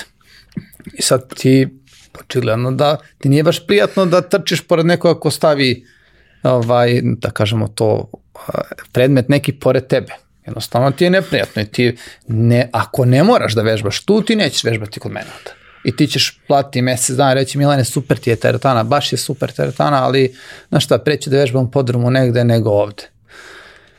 I jednostavno u tom periodu niko živ nije dolazio u teretanu. A to je bilo dva sata toku dana, uh, kad su svi ljudi znali da jednostavno treba izbjegavati klub. E sad, i taj period se pomerao, pa je bilo sve duži, duži vremenski period kad ljudi nisu dolazili. Odnosno, kad drugi ljudi nisu dolazili, a ta ekipa je dolazila. Ja sam čak imao ideju da njima dam 2-3 sata dnevno da kažem, evo vam ključ, zaključajte se, vežbajte, kad završite mi ćemo počnemo da radimo. Međutim, shvatio sam da to nije dobro rešenje i da mi to ne možemo a, na taj način rešiti. Ja sam se negde nadao, rekao, znaš, otku znam, nešto će se desiti, možda će ih neko negde pokupiti nešto, da će otići iz mog kluba ili će otići neki drugi klub. Naravno, to se nije desilo zato što jednostavno bilo im je lepo. Nema, nema nikoga lep klub, sami super. vežbaju, super im je bilo, realno. Um,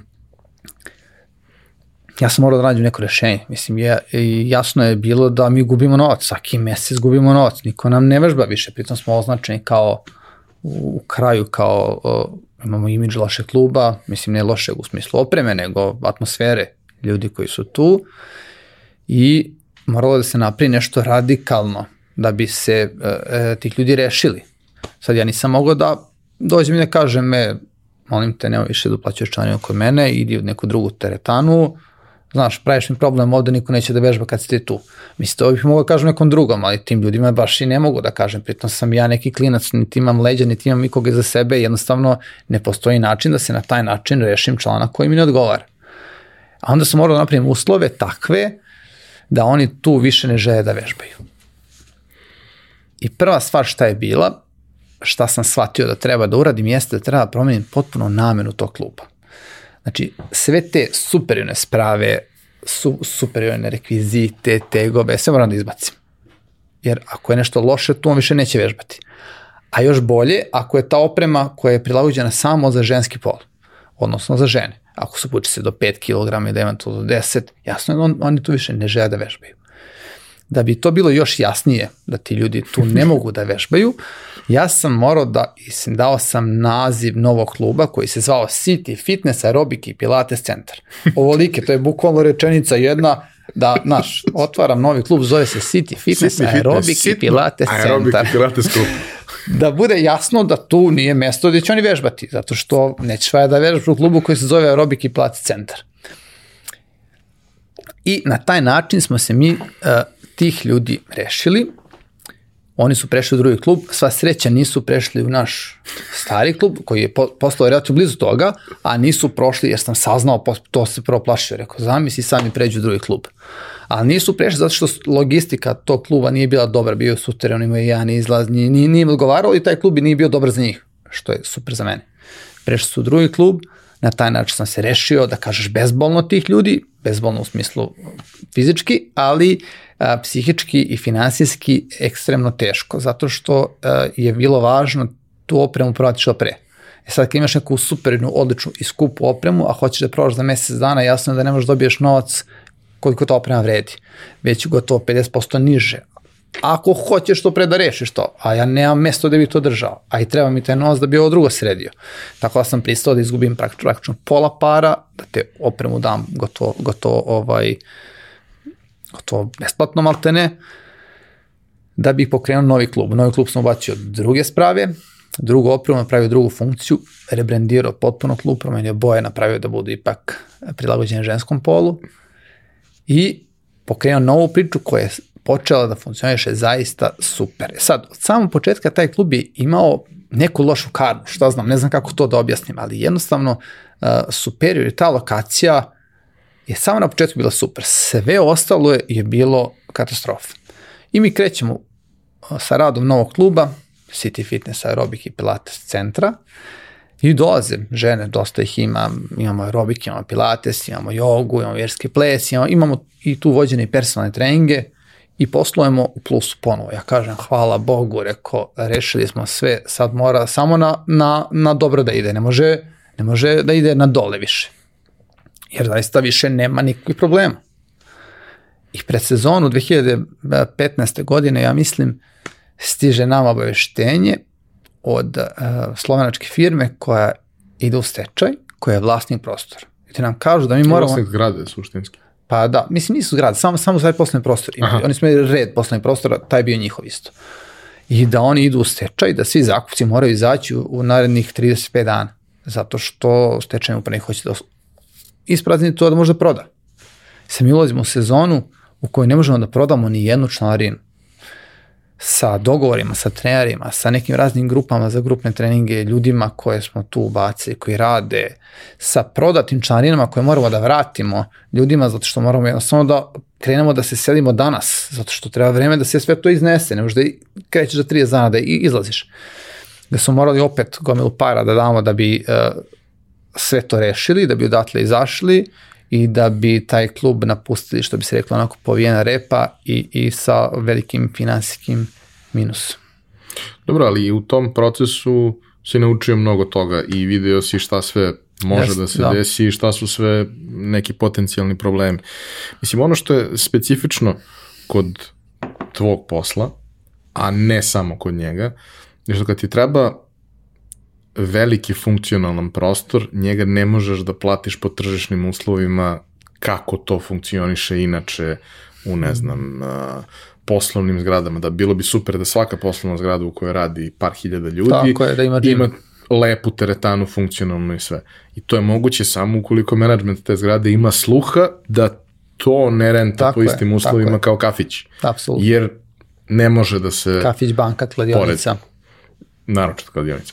Ovaj, to je ono, to, to mi je fenomen uh, u, u, posebno u Beogradu, mada i, i po Srbiji, ali po Srbiji su jednostavno svi, sve te cene rente mnogo niže, ali u Beogradu svaki lokal koji nije mogo da uspe ni kao fast food, ni, nebitno je, šta god da su probali, ništa nije moglo da uspe, sve, svaki lokal je postao kladionica. pa da.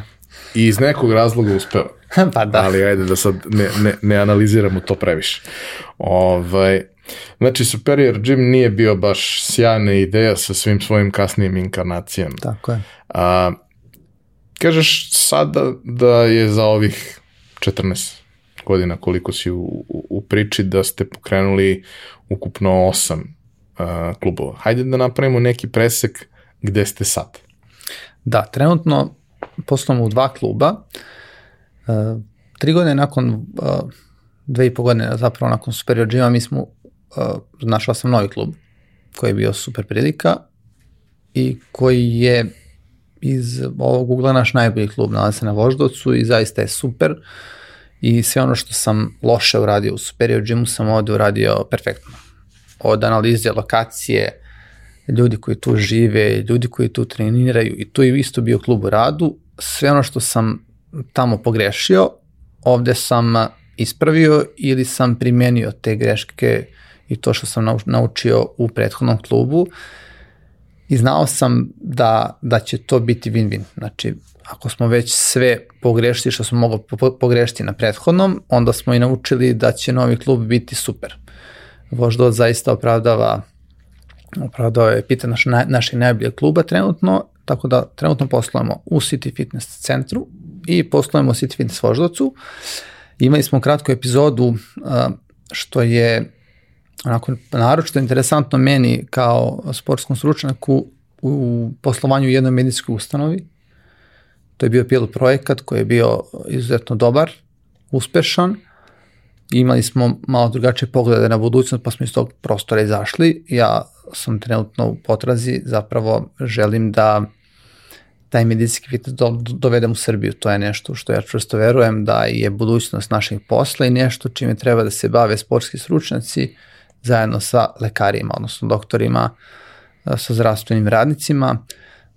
Ključna stvar i ono što ja pokušam jeste da se mi bavimo fizičkom aktivnošću na recept Takvu ideju smo imali u, u jednoj medijskoj ustanovi gde smo se bavili različitim zdravstvenim problemima ljudi, rešavanju uzroka, ne posledica.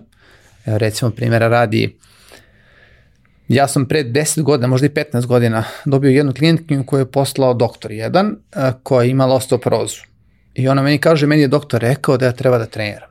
A ja sam bio u fazonu, te ćeš bre da treniraš ovde da ti puknu sve kosti u teretani, znaš, kakav je bre to doktor. Onda sam uzao da malo istražujem već tada i shvatio sam da je uh, fizička aktivnost najbolji lek za osteoporozu. Zašto? Zato što ne možemo da utičemo na popični presk mišića, da on bude, odnosno kosti, da on bude veća kost ili tako nešto, ali možemo da utičemo na gustinu same kosti, gde rešavamo zapravo uzrok osteoporoze. Trening snage utiče na to, znači kost se suprostavlja nekom optrećenju koje imaju, imaju vrlo dozirano, planski određeno, bez nekih poluga koje mogu uticati na lom kostiju i utiče se na povećanje gustine same kosti, samim tim rešavanja problema osteoporoze. S druge strane, imamo statistiku da 5 od 7 žena u ovom trenutku ima problem sa insulinskom rezistencijom. To je bolest modernog doba, modernog društva, našto sad posle COVID-a, gde većina, praktično možda i svi, endokrinolozi savjetuju fizičku aktivnost i kažu ti moraš da vežbaš da bi rešio taj problem. Zašto mora da vežba? Zato što jednostavno ćelije postaju rezistente na insulin, ne otvaraju se, ne primaju energiju, insulin se konstantno luči, konstantno ga lučimo. Ćelija je rezistentna, neće da se otvori, ne možemo da iskoristimo te šećere, da kažem, tako koje, koje smo uneli ishranom, jednostavno do momenta kad insulin prestane da se luči, onda dolazi do problema koje zove šećerna bolest. Trening troši te šećere, tu energiju, kroz trening snage, kroz aerobni trening, kroz bilo kakvu fizičku aktivnost, mi utičemo to da se lučanje insulina smanjuje i samim tim rezistentnost ćelije poboljšava. Tako da je to druga stvar koja e, fizička aktivnost može pozitivno djelovati, postoji preko 20. Re, recimo krvna slika, lipidni status. E, svi se bave rešavanjem posledica. Znači, pijemo neke lekove da bismo proširili krvne sudove, da bi to bolje išlo. Mi, mi se bavimo time da kad urade analizu sve bude kako treba. Pa da. A nije da. bitno kako je došlo do toga. To je tačno. E, ovde čvrsto verujem da je budućnost mog posla i našeg posla, našeg, na, našeg, um, našeg sektora zapravo u rešavanju zdravstvenih problema ljudima, zato što se generalno i kroz statistiku sve manje ljudi u teretanu dolazi da bi se da kažem žargonski rečeno nagruvalo. Većina dolazi ide žele da smrše, da žele da se bavi fizičkom aktivnostima ili želi recimo, to je nešto što je e, definitivno sad nažalost potreba da se bave sportom da bi e, razna psihička i psihološka stanja ublažili ili rešili anksioznost, depresija, strah, nešto što je prisutno poslednjih dve, tri godine od kada je COVID kod nas, takođe je fizička aktivnost nešto što pozitivno deluje, deluje na sve nas i na mene i na sve moje klijente, jednostavno je to lek. To je negde uh, gde ja smatram da mi treba da idemo u budućnosti i da mislim da da će uh, biti sve više posla i sve više potrebe za, sportskih, za sportskim stručnjacima. I moja ideja je generalno da i u komunikaciji sam sa na, najvećim privatnim zdravstvenim sistemom u zemlji, napravimo u svakom, svakoj medicinskoj ustanovi u zemlji jedan studio za personalne treninge, kao što imaju, ne znam, sobu, odnosno za pregled en, en, endokrinologa, ginekologa, ne znam, kardiologa, internistu, da ima sala za personalni fitness, odnosno za, za individualne treninge, da će se, da će se sprovoditi lečenje fizičkom aktivnošću. U, u Švedskoj je već 2018. godine ili 17. ta inicijativa pokrenuta, baš to, fizička aktivnost na recept, gde zajedno lekar i sportski stručnjak prepišu lek pacijentu koji on sprovodi ili sam ili pod nadzorom trenera ili jedan, jedan, jedan na jedan sa trenerom. Nakon mesec dana dolazi na kontrolu. Ponovo radeći iste testove da se vidi gde je on trenutno, šta treba da se promeni. Ako treba da se promeni, ponovo lekar i sportski stručnjak napišu novi trening, novi plan treninga koji će opet pacijent ili sam ili uz nadzor trenera sprovoditi i na taj način lečiti svoje, svoj zdravstveni problem. Mislim, sa jedne strane to apsolutno ima smisla za sve ove stvari o kojima si pričao, ali ima smisla mnogo i iz ugla nekog uh, ko radi, samo nek radi kancelarijski posao, pa već ima potrebe da se bavi time, jer ono, sa 22, 3, 4, 5, 6, 7 godina, niko od nas nije imao problem da sedi 10 sati da, u, da. U, u stolici za računarom, ali sa, već sa 30, 5, 6, 7, Sabere to postaje, da, to postaje problem. Ajde, posebna priča je što možda i ne imamo dobre stolice i položaj u kojima mm. sedimo su uvek uh, vrlo živopisni, da, da. naročito nakon nekog vremena i tako dalje, ali sve su to stvari koje neće se promeniti to da mi moramo da sedimo u stolici i da, i da radimo na taj način. Neće se promeniti jednostavno. A ono što može da se promeni je šta ćemo da radimo ostatak vremena. I taj deo ono, fizičke aktivnosti to ne mora da pojede preveliki deo našeg dana, ali jednostavno da ne bismo imali posledice posle 30. ili 40. nije loše da ga što ranije uključimo i da to postoji u nekom, nekom obimu. Zapravo većina tih stvari Znači, kad nisi siguran šta, šta može da se uh, uradi, odeš, posavetuješ se pa vidiš gde možeš da napraviš razliku. Ja sam bio ubeđen da moja kolena neće nikad biti ok, jer nisu ok 25 godina, a moja kolena su sad super. Da. Zato što sam šest meseci ciljano radio na tome, stvari koje su užasno dosadne, ja ne želim da ih radim. Ali kad vidiš efekat da, da, toga, toga, onda ti više nije teško. I shvatiš da je to suštinski, ajde kažemo trening je možda duži i tako da, ali to je suštinski 15 minuta tri puta nedeljno. Tako koje je, možeš tako da uradiš i kući, i neće nikada da ti postane zanimljivo. Mm. Ali je preko potrebno, jer posledice koje možeš da imaš ukoliko to ne radiš su veoma, veoma ozbiljne.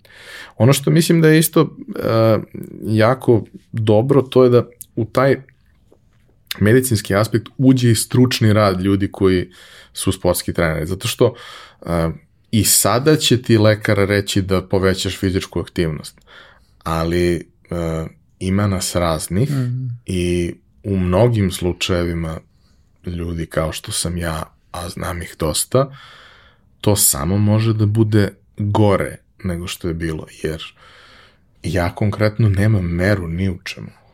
Mislim, takav sam. Da, to je to. to, je to. Ja u suštini ne idem kod trenera da mi on kaže šta ja treba da radim. Idem i zbog toga, ok. Ali najvažnije, idem da me spreči mm. da napravim problem. Jer posebno ukoliko je to neko ko je vežbao neki duži period pa napravio pauzu ili bio sportista pa napravio pauzu, on misli da može. Da, da. I možda i može. Ali pitanje sa kojim posledicama. Apsolutno, slažem se. Uh, stručnost trenera je jako važna.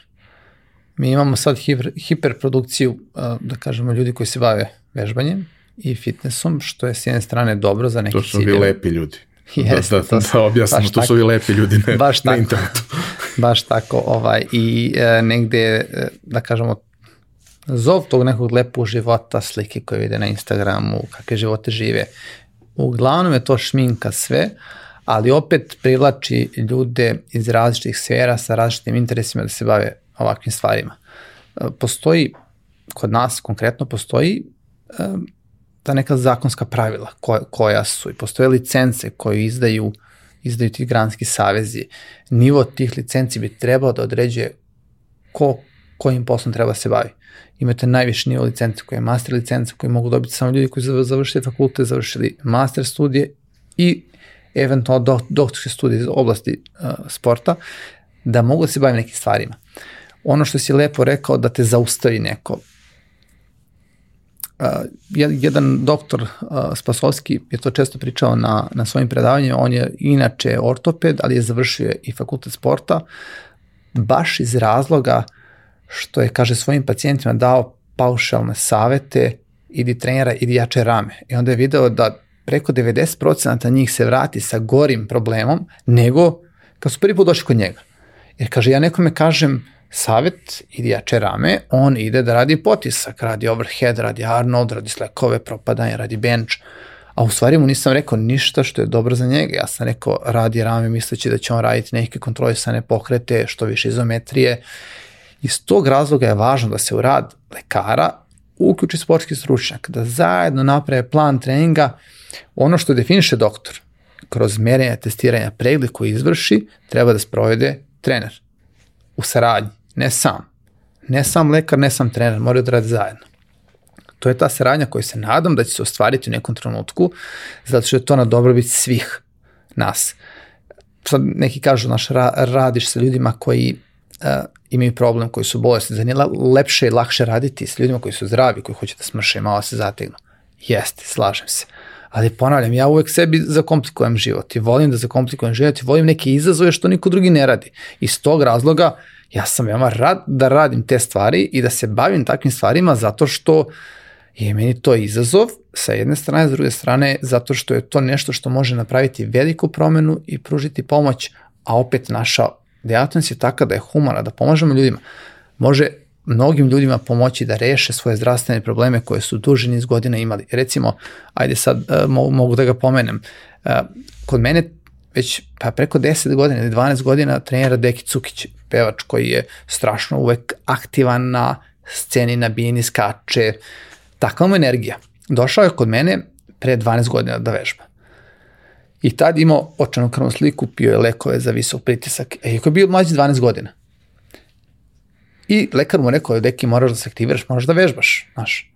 On je sreća, ima neku svijest da, da mu treba pomoć nekoga, da ne može to sam da uradi. Došao je, krenuli smo. Uradili par treninga prvih i on meni kaže, e, Milanče, pa nisam ja došao preko tebe da mi skrati život, došao sam da mi ga produžiš, daj nešto lako da radimo. Zapravo, on je osoba koja ne voli da radi teško, a ti si osoba koja voli da radi teško. E zato treba da stoji trener koji će napravi da ti treba reći ono što treba da radiš, a ne ono što ti smatraš da za tebe dobro ili što tebi prija, nego ono što je zapravo svrsishodno tom cilju koji smo zajedno postavili da treba da rešimo. Oni nakon par godina bacio lekove za pricak, ne, piješ, ne, ne pije ih više, jačije nego ikad, može da radi bolest lekove propadanja, što nekad nije mogao, gotovo nikad to nije mogao. Tako da, ukoliko se u pravom trenutku čovek usmeri, radi stvari koje treba da radi, koje treba da radi pod kontrolom, nadzorom stručnjaka, ali i lekara, ovde je bila saradnja mene i njegovog doktora, može da se napravi prava stvar. A najbolja saradnja, najuža saradnja će biti ako sportski stručnjak bude uključen u rad medicinske ustanove. Što je u ovom slučaju kod nas, ono, nažalost, problem, zato što mi kao sportski stručnici ne možemo da radimo u medicinskoj ustanovi, zato što jednostavno nemamo medicinsku struku. Taka nam je zakon i jednostavno taka su pravila da ja kao uh, sportski stručnjak ne mogu da potpišem izveštaj koji može da potpiše lekar, može da potpiše i tehničar, odnosno medicinska sestra, ukoliko je član komore medicinskih sestara i tehničara, ali neko ko je završio DIF, pa makar to bili doktorske studije, ne može to da potpiše. Jednostavno je takav zakon, ali ja sam ubeđen da što više ljudi bude pričalo o ovome, ne samo ja, nego i druge moje kolege i drugi ljudi, da će to u nekom trenutku biti moguće, zato što je to na, ono, uh, interes društva, države, uh, svih ljudi koji, koji žive. Pa mislim, tu postoji taj, taj moment da i ti lepi mladi ljudi što su došli samo da se zategnu, da im pet godina. Pa jest. Za pet godina će verovatno početi da imaju neki, neki problem. Ili možda neće Tačno, ukoliko tako. sve rade kako treba, ali prosto normalno i prirodno da kako smo stariji snosimo posledice loših odluka koje smo napravili da. u nekom trenutku. Ja znam gomilu primjera ljudi koji su, ono, ne znam, u svojim 20. godinama imali saobraćene nesreće i nisu imali nikakve mm, posledice. Mm, tada. I 20 godina kasnije počinju da ih bole stvari koje su tada povredili. Jer jednostavno mlad organizam ono, toleriše sve to, oni su možda to i snimili, možda su i, ali nije imalo nikakve posledice. Ali kad se akumulira sve što se dešava, to naravno može da bude problem. Ovaj, e, mislim, činjenica je da na taj način, e, da je to u interesu manje više svih u, u, u tom ekosistemu. Jedna od stvari koja se desila kada je došlo do ozbiljne ekspanzije privatnog zdravstva kod nas je taj moment dolaska privatnog zdravstvenog osiguranja gde ti, tako ok, je. imaš neki dodatni trošak, svakako, tako je, tako. ali on nije strašan i ti to, ti ili poslodavac to plaćaš, a onda si bezbrižan da možeš da ideš i da ovaj, koristiš sve te usluge koje, koje treba. Ako neko vežba, manje će koristiti sve te usluge koje su Baš tu tako. negde ovaj, i, i, i potrebne i tako dalje. Mislim, to je ono, to je i onaj moment, mislim, pričali smo o tome kad smo bili na doručku, ovaj, odnosno ja sam bio na doručku, pošto ti ustaješ u pet, ovaj, a taj, taj moment da je zapravo ekspanzija i raznih e, centara za rehabilitaciju, fizioterapiju i sve ostalo došla tada. Jer pre toga ako je neko išao na fizikalnu, ja jesam jer sam se mm, povređivao u sportu i tako da je, to je bilo pri domu zdravlja, jest, pri jest, nečemu jest. i obično je bilo beskor, beskorisno, mm. recimo, i radili smo stvari koje su se radile pre 100 godina i tako dalje i jednostavno nije bilo prilagođeno, posebno nije bilo prilagođeno nekome ko nije penzioner koji ima rehabilitaciju nakon povrede noge, nego je mladi sportista da, koji da, da. je povredio nešto, sa ti dođeš i kao dajte mi sve tegove, sve što imate, dajte mi i kao to je to. To je bukvalno tako bilo pre 20 kusur godina. Ovaj, sad je to mnogo drugačije, mnogo stvari se radi na tom polju, mnogo ima dodatnih edukacija, a to je sve finansirano time što ljudi mogu da koriste tu uslugu u sklopu nečega, a mogu da koriste i, i mimo toga. Znači, doći će naravno i, i, i gro ljudi koji nemaju privatno zdravstveno, jer sada to postoji, dostupno im je, uvidno im je polju i, i ima Tako smisla je. negde za njih. Tako, Tako da verujem da to stvarno može da napravi, može da napravi dobru priču. To je jedan od, da kažem, frontova na kojima ja radim, jeste da pokušavam da objasnim osiguranjima da je e, u njihovom interesu da ubace medicinski fitness kao, kao deo usluga koje će oni pokriti kroz privatno zdravstveno osiguranje. Zašto je to njihovom interesu? Zato što je njihovom interesu da osoba koja plaća to osiguranje bude živa, da bude zdrava i da jednostavno može da plaća, da može da radi i da može da uh, duži niz godina bude korisnik tog, tog, tog njihovog osiguranja. E, na tom polju radim što sa osiguranjima, što opet sa medicinskim ustanovama, jer e, mislim da će to biti preloman trenutak i za ovo naše, kada osiguranja preuzmu taj trošak, onda će ljudi malo slobodnije da krenu da koriste te usluge. Tako je isto bilo i sa uh, fizio grupama razoraznim, kad su preuzeli trošak osiguravajuće društva, ljudi su bili u fazonu, ok, mogu bi da koristim kad mi već na spisku onoga što imam gratis, da kažemo, i počeli su da idu. U tom trenutku su krenuli da niču takvi objekti, što je sjajno. Mislim da je taj moment doći kod nas i da će medicinski fitness, fizička aktivnost na recept biti dostupna širem, širem i većem broju, broju ljudi. Ima još par stvari koje hoću da te pitam. A, prva stvar, pre nego što pređemo na ta neka, kažemo malo, blic pitanja koja su konkretno saveti za, za ljude koji ulaze u to. Prva stvar koju hoćemo da pričamo je to što se dešavalo u prethodnih dve i po godine i kako ste vi preživeli COVID? Da, COVID je doneo velike probleme.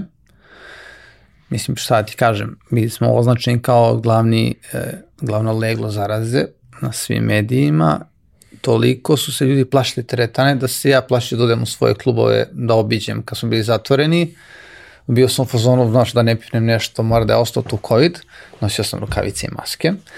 Uh, ali je vrlo brzo, nakon što je klub otvoren, naravno klubovi su otvoreni, ljudi su počeli da se vraćaju, ne u toj meri kao pre, naravno, zato što im, im, imali smo razna realno ograničenja koje smo svi poštovali, jer je to bilo u interesu svih nas i koji ljudi koji radi, ljudi koji tu dolaze, da se ta ograničenja poštuju.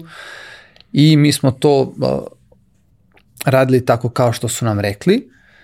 Međutim, kad su malo popustile mere, ljudi su sve više počeli da treniraju, sve više počeli da dolaze, što je, uh, da kažemo, potpuno neočekivano bilo. Jer ja sam imao pitanja novinara da li ko dolazi do trenera, da li ko dolazi do teretana, da teretana uopšte rade.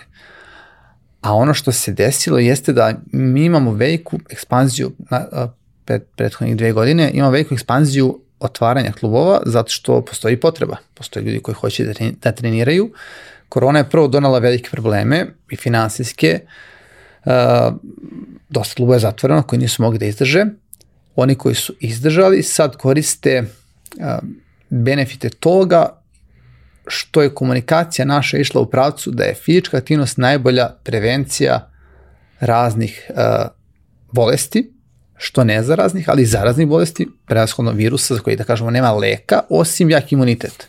Jak imunitet se stiče kroz zdravu i kvalitetnu ishranu, adekvatnu i kroz fizičku aktivnost. Tako da smo mi to zna, dosta komunicirali, ne samo moji klubovi, nego i svi drugi i ljudi su počeli da dolaze, tako da je naše poslovanje trenutno, gledajući Srbiju, naravno, značajno veće i veći obim više ljudi trenera nego što je to bio slučaj pre korone. Tako da korona je donala loše stvari s jedne strane i velike probleme, s druge strane dobila, do, donela nam veliku priliku i mogućnost da se poslovanje proširi i uveća, što se sad upravo dešava. Ja, mislim da je i taj moment da ljudi nakon što su bili nekoliko meseci zatvoreni, E, ima trebalo toga, im da. je da izbace Ima iz toga. sebe svašta, ovaj, a ishvatili su da ne mogu da budu ono uh, living room burrito sve vreme zamotani u, u, u ovaj u, bože, kako se kaže, u ćebe,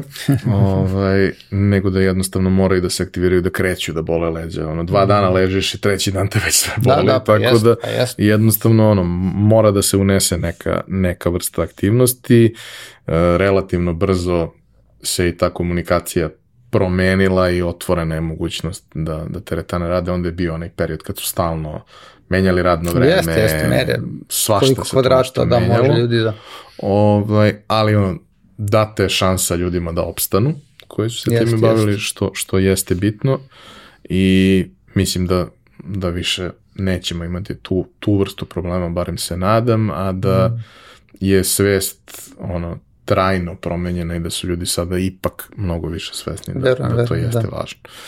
E sad, malo konkretnih pitanja vezano za, za sve ovo. Ne, nismo prošli sva iskustva koja si imao i nećemo, ali ono što, što mislim da jeste bitno je kada je prošlo ovoliko vremena, kada si probao toliko različitih stvari, šta su neke ključne stvari koje bi savjetovao uh, ljudima uh, koji žele da uđu u ovako nešto uh, u slučaju da žele da naprave veliki objekat, veliku teretanu i u slučaju da hoće da naprave to, mali studio za vežbanje. Šta su neke stvari koje treba da imaju na umu i u jednom i u drugom slučaju, odnosno šta su neke specifičnosti, o čemu treba da razmišljaju?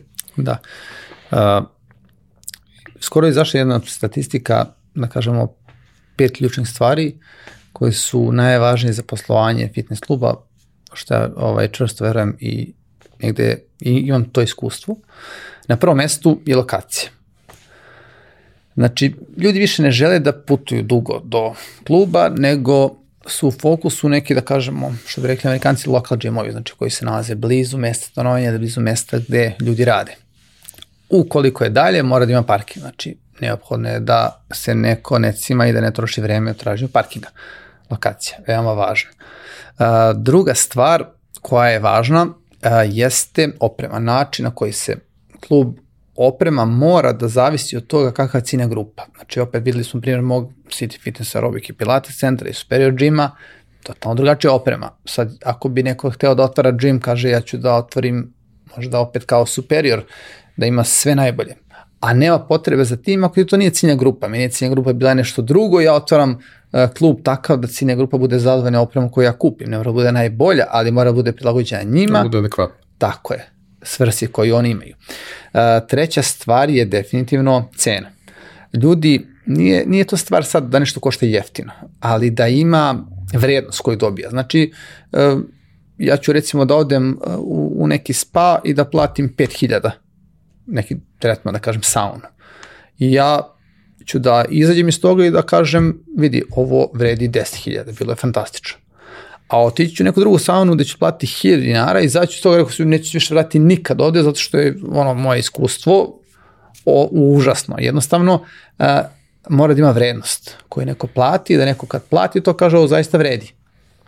Znači ne samo cena ovaj prosto, nego jednostavno konkretna vrednost.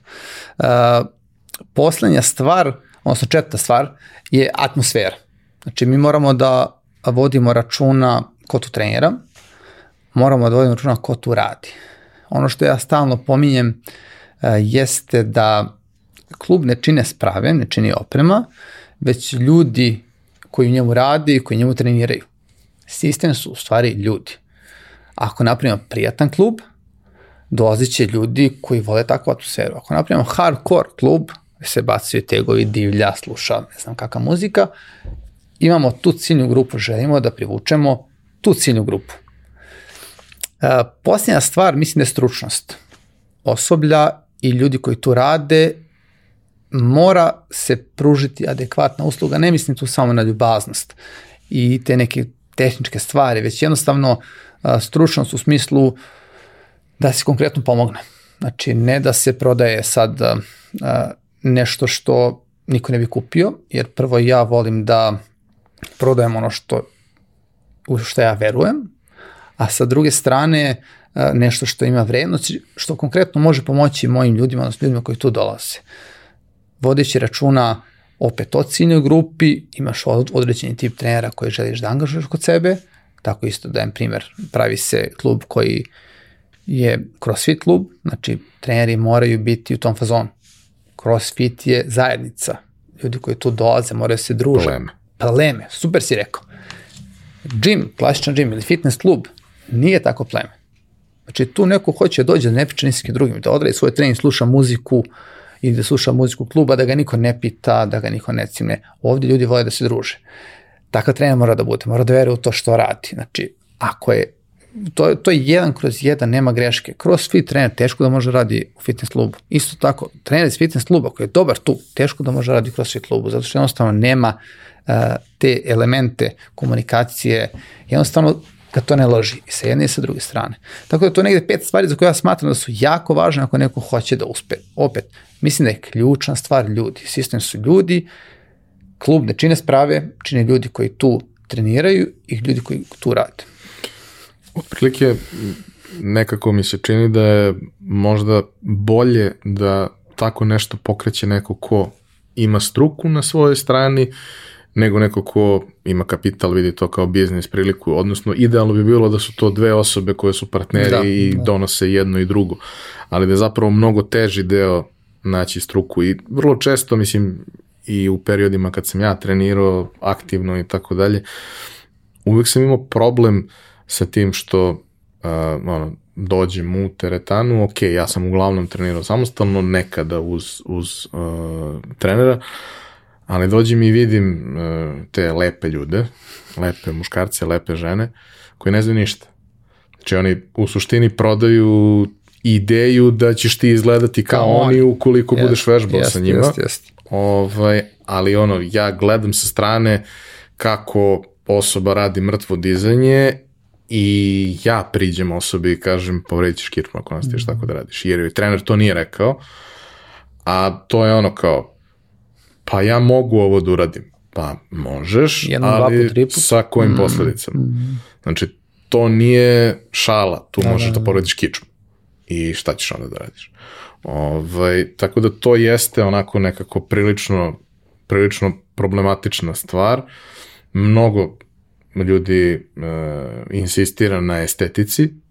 Estetika je divna da, da. stvar i svi je volimo, ali nekako forma treba da prati funkciju pre Slažem svega se, i to. to je ono što, što bi nekako moralo da, da bude prioritet. E sad, šta, su, šta je specifičnost uh, većih u odnosu na manje lokale? Odnosno, šta je, šta je nešto što je drugačije kada praviš nešto veliko i kada praviš nešto što je prilično za individualne potrebe? Evo ti opet da, da ću ti primer svojih klubova. Kad sam teretanu otvorio, a onda nakon toga kad sam otvorio studio, samo za personalne treninge, ja sam recimo promociju studija pokušao da radim isti način kao promociju kluba, odnosno teretana, gde sam rekao imamo divan prostor, sportski pod, imamo divne prozore, pogled je na ulicu, ne znam, imamo super sprave, dnevno svetlo, I ljudi nisu da dolaze, zato što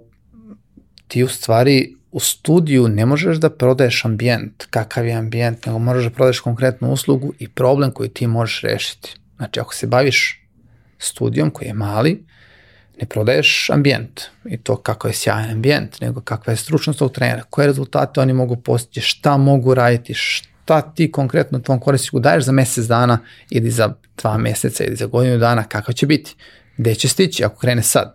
Sa druge strane u klubu ti reklamiraš ono što ljudima važno, čisto kupata, do, dobra higijena, ne znam, kvalitetna oprema, dosta traka za trčanje, prirodno svetlo, dobra ventilacija, ljubazno osoblje, povoljne cene i tako dalje. Na studiju to nije, nije ono što treba da se promoviše, već samo usluga, konkretan problem ne treba ti hiljade ljudi na manjem prostoru, treba ti 10, 15, 20 ciljanih ljudi koji si ti odredio da je tvoj target.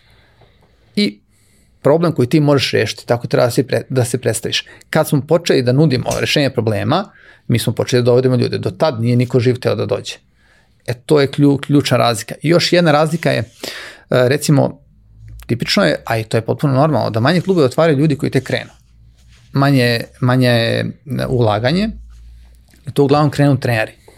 E, najgora stvar je što se uglavnom svi zadrže na tom studiju, zato što e, ne znaju da pređu dalje. Oni su skupili možda 10.000 ili 15, otvorili studiju koji super, radi dobro, ali se oni i dalje u osnovi bave treningom. Tehničari su, to je ono što je problem. Fakultet nas nije naučio da razvijamo posao i da je nas ne uči da to radimo, nego to moramo sami. Opet, e, osoba mora da bude takva da bi mogla da razvija biznis, naši sam. Specifični su ti ljudi. Primer velikih kluba uglavnom otvaraju investitori, znači ljudi koji imaju novac, hoće da investiraju u to nešto sa dobrim biznis planom ili nekoliko trenera, grupa njih. A ne mora da znači, ali je to najčešće slučaj. Primer većih klubova u, u, u gradu su uglavnom da su vlasnici ljudi koji nisu sa DIF-a. Imaju dobru ideju, preduzetnički duh i to su sve primenili i napravili isplative biznise, jer njima je to prvenstveno cilj. Uh, ja mislim da je studio dobar način da neko krene, neko ko je na početku, zato što će tu opet malo izgubiti, može malo da izgubi ako propadne, a sa druge strane može mnogo da nauči ako bude taj studio posmatra kao neki veliki sistem i kao školu da krene dalje. Tako da podržavam generalno dosta kolega u otvaranju takvih studija, masa njih zove, jedan razlog zašto je knjiga izašla je u stvari da, da bi pomogla tim ljudima, Da, kad su pričali o koroni, meni je korona donala to da sam ja knjigu završio o koroni. Ja sam je pisao pre toga šest meseci, ja nisam uspeo da stignem od svojih obaveza da to napišem, ali sam zato uh, tih meseci nešto dana u koroni pisao svaki dan i uspeo sam da završim to i, i, i knjiga je te godine izašla 2020. Sada pokušavam sa, sa fakultetom, zapravo to bi trebalo da bude od oktobra meseca, da se naprave edukacije, s jedne strane sa fakultetom edukacije u okviru uh, edukacija za personalne trenere, da se priča o preuzetištvu u sportu, o onome što fali, a sa druge strane kroz Savez za rekreaciju fitness Srbije imamo već dve godine ga držimo semir koji se zove preuzetištvo u fitnessu, gde veliki broj mladi ljudi dolazi i edukuje se. Ja pokušavam da skupim ljude koji hoće da kažu, koji hoće da prenesu znanje, ali ne sad neki bullshit, neko priča, nego konkretne stvari. Nemoj da mi pričaš o tome uh, znaš, mi smo tražili ovo, našli smo ovo, onda nam je palo s neba ovo, nego konkretno, kako? Gde si našao prostor? Kako si ga platio tako malo? Ili zašto struju plaćaš tako jeftino? Mislim, daj mi konkretne razloge zašto si odskočio. Gde si kupio opremu? Znaš, mislim, uh, trebaju nam konkretne stvari i sa sad uspevam da skupim ljude koji hoće da ispričaju svoju priču, zato što je to veoma važno da bi biznis išao napred, posao išao napred, ljudima bilo lakše da razviju biznis, oni koji su nešto napravili moraju otvoreno da pričaju o tome, a ne da se zavije. Meni je lako sad, znaš, ti si me pitao za probleme koje sam ja imao, ja sam ovo kažem, Ivane, u tvom podcastu se uglavnom priča o tome kako cveta cveće u moje preduzeće, ali moram da kažem da nije baš tako. Znaš, imao sam osam kluba, sam imam dva, mislim, odnosno, da kažem, Google tri, ali ovi su se izgubili negde, nestali su, znaš, mislim, negde sam pogrešio. Mnogo sam, mislim, grešio sam, neverovatno mnogo. Sada sam imao iskustvo možda danas koji imam ne bi toliko grešio. Možda ne bi toliko ni rizikovao, tad sam bio mlad, baš me nešto bolilo uvo, nisam imao mnogo da izgubim, imao sam slobodno vreme i samo sam terao napred, terao, terao, terao, grešio dosta, ali opet skupio neko iskustvo koje sad mogu da prenesem svojim kolegama I veoma mi je drago kad mi se jave moji profesori sa fakulteta koji su pročitali knjigu i, i da kažu da im se svidela i da, i da daje vrednost studentima i da preporuče deci da pročitaju znaš sam, napisao knjigu, od knjige se ne živi, mislim, ne možeš da živiš od toga. Ti si napisao knjigu da bi preneo neko svoje iskustvo, neko svoje znanje da bi pomogao. Knjiga je uglavnom trošak neki koji tebi stvara i vreme koje si ti uložio u to je vreme koje si generalno poklonio nekom drugom. Tako da isto tako smatram da i te edukacije i ti seminari i kroz predavanja mislim da je to način da se vrati dug i da opet nadam se ljudi iz struke počnu da rade posao, a ne da već to budu u to nekom tehničkom delu. Hoću jednu stvar samo da te pitam za sam kraj, zato što pričajući sa ljudima koji pokreću svoje biznise, jako često imam situaciju da apsolutno nisu u stanju da na iole ok način predvide troškove i potencijalne prihode. Ajde troškove i nekako. Tu može da se desi da nešto zaborave ili da se desi nešto nepredviđeno, te stvari se dešavaju, normalno je, ali nije, nije to toliko. Ali prihode je apsolutno nemoguće da bilo ko predvidi i tu najčešće prave one velike greške. Znači, no, moja procena je da ću ja da zaradim toliko po svakom ko dođe i onda shvatiš da ne može... I, i, ipak ne.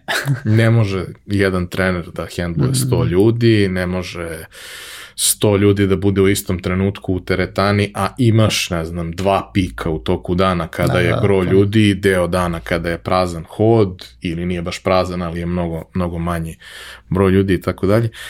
E, to me zanima da probaš, pošto imaš jako, jako dobar ovaj, primer kako, kako da to uh, oslikaš, da daš neke parametre koje ljudi treba da imaju u glavi kada razmišljaju. Možda u njihovom slučaju ti parametri neće biti baš 100% takvi, ali je mnogo bolje nego da kreću potpuno uh, da freestyle. Evo vam jedna informacija koja je jako važna i koju isto nesebično delim ljudima. U ovom trenutku u Beogradu postoji samo jedan deo grada gde je veća ponuda od potražnja, što znači da nemoj otvarati klub nikako, a to je Ban Obrado. Znači, u tom delu grada beži mnogo je veća ponuda od potražnja, odnosno ljudi koji bi da treniraju. Primjer radi, mi sad nalazimo ovde, ovaj, Ustanička ulica, ja hoću da otvorim klub ovde. Ja ću prvo da analiziram koliko ljudi u ovom delu grada živi. Da bih to analizirao, mogu da pokušam da saznam preko opštine informacije, recimo koliko na opštini Voždovac ljudi živi, ako se nalazim blizu opštine Voždovac, stavim šestar 2 km najviše, mada ako su uske gradske sredine i kilometar je dovoljno, okolo i vidim koje ulice ja zauzimam. Mogu da procenim koliko tu ljudi živi. Recimo u ovom delu grada živi 100.000. Živi i radi. Živi i radi, da. Znači koji tu, koji tu borave. 100.000 ljudi recimo. Ja hoću da otvorim klub od 500 kvadrata u ovom delu ovde. 100.000 ljudi živi. Imamo statistiku da u Beogradu trenira od 5 do 7% stanovništva. Mi ćemo uzeti u obzir da je to, to je gradska sredina, da ćemo u najgorom slučaju 5% ljudi. Znači na 5% ljudi imamo 5000, na 100.000 imamo 5000 njih koji treniraju. Da tako, to su naši potencijalni korisnici. Moramo uzeti u obzir da nije to naš dim jedini tu, nisu mi jedini setli da ga otvorimo, nego moramo da obiđemo i druge klubove koji su istom tom prečniku da vidimo koliko kvadrata oni zauzimaju. I recimo shvatili smo da u prečniku od kilometra ili 2 kilometra postoji, ne znam, pet klubova koji imaju 500 kvadrata. Ili ukupno 2500 kvadrata, što znači, računica je jasna, jedan čovek na 1 metar kvadratnih, znači da je kapacitet negde svih tih klubova 2500 ljudi, u sezoni možda i 3500 ljudi, ali ne više toga, što znači da postoji još jedno 1000 ljudi koji, da kažemo, vise, odnosno potreba im je klub ili postoji potreba da se otvori taj klub u ovom delu grada. Znači, shvatio sam da je lokacija dobra. Evo, ja znači, sam... Ali, ali računica koju treba uzeti u obzir je da jedan čovek po kvadratu je nešto što je kapacitet. Kod nas u ovom trenutku da, na zapadu ne. Recimo vi imate primere da u Nemačkoj bude jedan, jedan metar kvadratnih sedam ljudi. A znate zašto? Zato što se oni obavežu da će trenirati tri godine, imaju ugovor na tri godine, plaćaju svaki mesec, a ne dolaze. Kod nas svi plaćaju mesečne članarine, to je jako važno, ili tromesečne, redko ko godišnje. U Nemačkoj može na 1 metar kvadratnih 7 ljudi, zato što ne dolaze. A i Nemci. Pa i Nemci, da. I mogu da stave cenu 19,90. Kod nas, ok, ima i takih cena, najčešće je to oko 25 eura, ali uglavnom su to mesečne članarine. Znači, naš objekat, ukoliko ima prosečnu ventilaciju, ukoliko ima vrhunsku ventilaciju, može da ide na 1,7, 1,8. Možda u najboljem slučaju 2, ali to je vrlo mali broj objekata u Beogradu koji ima takvu ventilaciju da može da hendluje toliki broj ljudi, mora da ima savršenu organizaciju da vežbaju pre podne i popodne. Ja uzimam u računici uvek 1 na 1. A jedan sve ostalo je mašalo. Super, ako bude, bude, ali i na 1 na 1 ti si e, prilično popunjen. Znači imamo 500 ljudi naš kapacitet je 500 ljudi, shvatili smo da na našem tržištu postoji potreba. za, za, za, za našim džimom i za takvim tipom džima, onda idemo da izračunamo koliko je to u parama. I kažemo, 500 ljudi je maksimalan kapacitet. Prošla cena članarine, recimo da bi lakše računali u ovom dijelu grada je 20 eura. Što znači da možemo najviše zaraditi 10.000 eura od članarina. Znači, vidi, to je najviše. Jesam dobro rekao, jes. Yes. Šta možemo još zaraditi? Do, dodatne zarada su rad sa trenerom, odnosno vođeni personalni treninzi, takođe tu možemo zaraditi još nešto, ali taj prihod nikada ne ide više od 30% ovoga što zarađuje članarina. Znači tu, tu je voda, čokoladice, rentiranje peškira, neki dodatni sadržaj, online treninzi, ishrane, ali tako dalje, ali ne preko 30% toga. Znači, Možda bude, ali nemoj računati da će... Nemoj računati, ja to praktično gotovo nikad ne, ne računam.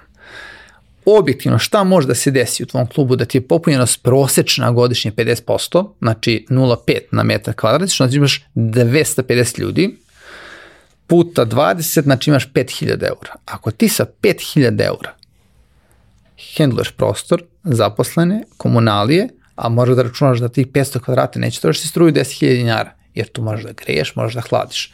Leti mora da bude hladno, zimi mora da mu bude toplo, slačonice mora da budu tople, zimi, leti, hladne takođe. Struja ne može da bude ispod 100.000, to, to je ljudi uglavnom misle da je to kao neki stambeni prostor, uglavnom su potrošači mnogo veći, prvo trake troše dosta, klimatizacija, ventilacija takođe troši dosta, tako da prosečan prihod ti je 5000. Ako u 5000 možeš da platiš prostor, struju zaposlene, ti si super, ali moraš da znaš da nećeš zaraditi 10.000, jer si 5.000 ukupno zaradio. Znači zaradit ćeš možda 1000. E, razliku da ćeš zaraditi na našem poslu najčešće pravi cena koliko plaćaš prostor. Ako prostor platiš 10 eura po kvadratu, ej, 10 eura po kvadratu, pa to ti sve što si zaradio. Zar ne? Znači, članina ti je 20 eura, popunjenost je 50%, 10 eura prostor, ti praktično pola kapaciteta moraš daš za prostor taj. Iz tog razloga, to je moje mišljenje, neki klubovi imaju drugačiju matematiku, da mogu da plate više. Moje mišljenje je da je to negde najskuplja cena ukoliko je prostor ekstremno dobar. Ali je češće od 5 do 7 negde procena da treba platiti prostor, je to nešto što je isplatio za fitness biznis.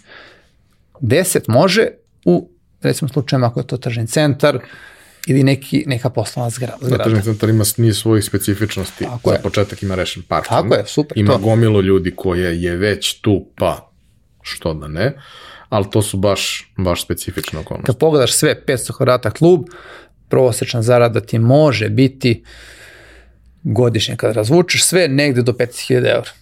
I to je ta matematika. Ako se uklopiš u matematiku, super. Ako ne, boje nema ulaziti, jer ovo nije biznis koji e, donosi ekstremno veliki novac. A to nam najbolje govori to što ne možemo da platimo prostore gde su kladionice, gde su marketi, iako se čini sa strane da ovi se ubiš od pare a u stvari baš i nije tako, zato što ispred nas uvek prostor uzme kladionica, ispred nas uvek Vidi. prostor uzme marketing. I uvek tu postoji prostor da ti ostvariš značajno bolje rezultate od tih koji su nekakav minimalni, optimalni. Tako je ali to je stvar sreće. U, pa da. I mnogo rada mnogo i sve. Da ne poklopi. možeš da računaš da će sve da bude super. Nikako, nikako, nikako. Mislim, to je jedno od čestih greški. Recimo, meni dolaze ljudi sa nekim računicama, znaš, ne mogu da verujem. Čekaj bre, druže, kako ćeš da staviš ti, recimo 100, 150 kvadrata je skoro bio jedan trener da je doveo svog klijenta, jedno koji je teo da investira, i kaže naša procena da tu može da bude 400 ljudi da stane, Rekao, pa nije on noćni klub, je, neće da stoje ovako, brate, mi mislim, kako misliš da, da ti trenira 400 ljudi, imaš neki komfor. Znaš, apsolutno glavni razlog zašto klubovi propadaju jeste što niko ne računa nego samo uđu na emociju neku i kažu vidi ovaj mora da dođe samo posle smene da pokupi pazar i to je to. A u stvari ni toga više nema. Sad no, mislim, vidi. svi imamo ka, kase, nema više toga. Ja sam video razne te neke momente gde kao sve je super, i onda imaš slučajonicu u kojoj ne može da stane petoro. I A imaš štede. prostora da vežba 200, ali kao nas petoro kad tako dođe je. da se presvučemo šesti ne može da uđe. Tako je, tako nas je. Nas petoro nemamo gde da stavimo stvari ili nešto improvizujemo, igramo se. Yes, yes. Jer naravno, to je mrtav prostor. Mm. I niko ne želi da on bude ogroman jer te košta nešto. Ti imaš statistički da slačionica mora bude na 15% minimum prostora, znači ako, si, ako ti 85 sve ostalo, 15 mora slačionica sa tušajima da bi imao i ole komfor. Neki da stavi više. Ako staviš manje od toga, ti ćeš to imati uvek neko slepo crevo da će da se sudraju i da opet neće biti zadovoljni. Super, dao si im komfor u sali, a džaba kalo ne može da se presvuče normalno, ne može da dočeka tuša. Tako je. Milane, hvala ti. Mislim da smo ispričali svašta, a da koga ovo zanima i vidi sebe u toj priči, ono ostalo može da, da pročita u knjizi i naravno uh, ti si ono, jedan od onih finih ljudi koje kada pozoveš da popiju kafu sa tobom, dođu i popiju kafu i posavetuju ti Jeste, kao gradimo industriju koja jedino zajedno može da bude veća i bolja. Nismo, mislim, i jesu ljudi koji tu rade konkurencije, ali mi smo i dalje na to 5 do 7% ljudi koji Da, da, da. vežbaju. Cilj nije da ostanemo na tome, cilj je da je. odemo na 20% Pa, ljudi koji vežbaju. nadam se kroz par godina. Hvala ti još jednom. Hvala vama što ste nas slušali. Nadam se da vam je bilo zanimljivo i korisno. To bi bilo to od nas za, za ovu nedelju. Vidimo se ponovo naredne nedelje. Hvala tebi, bilo je super.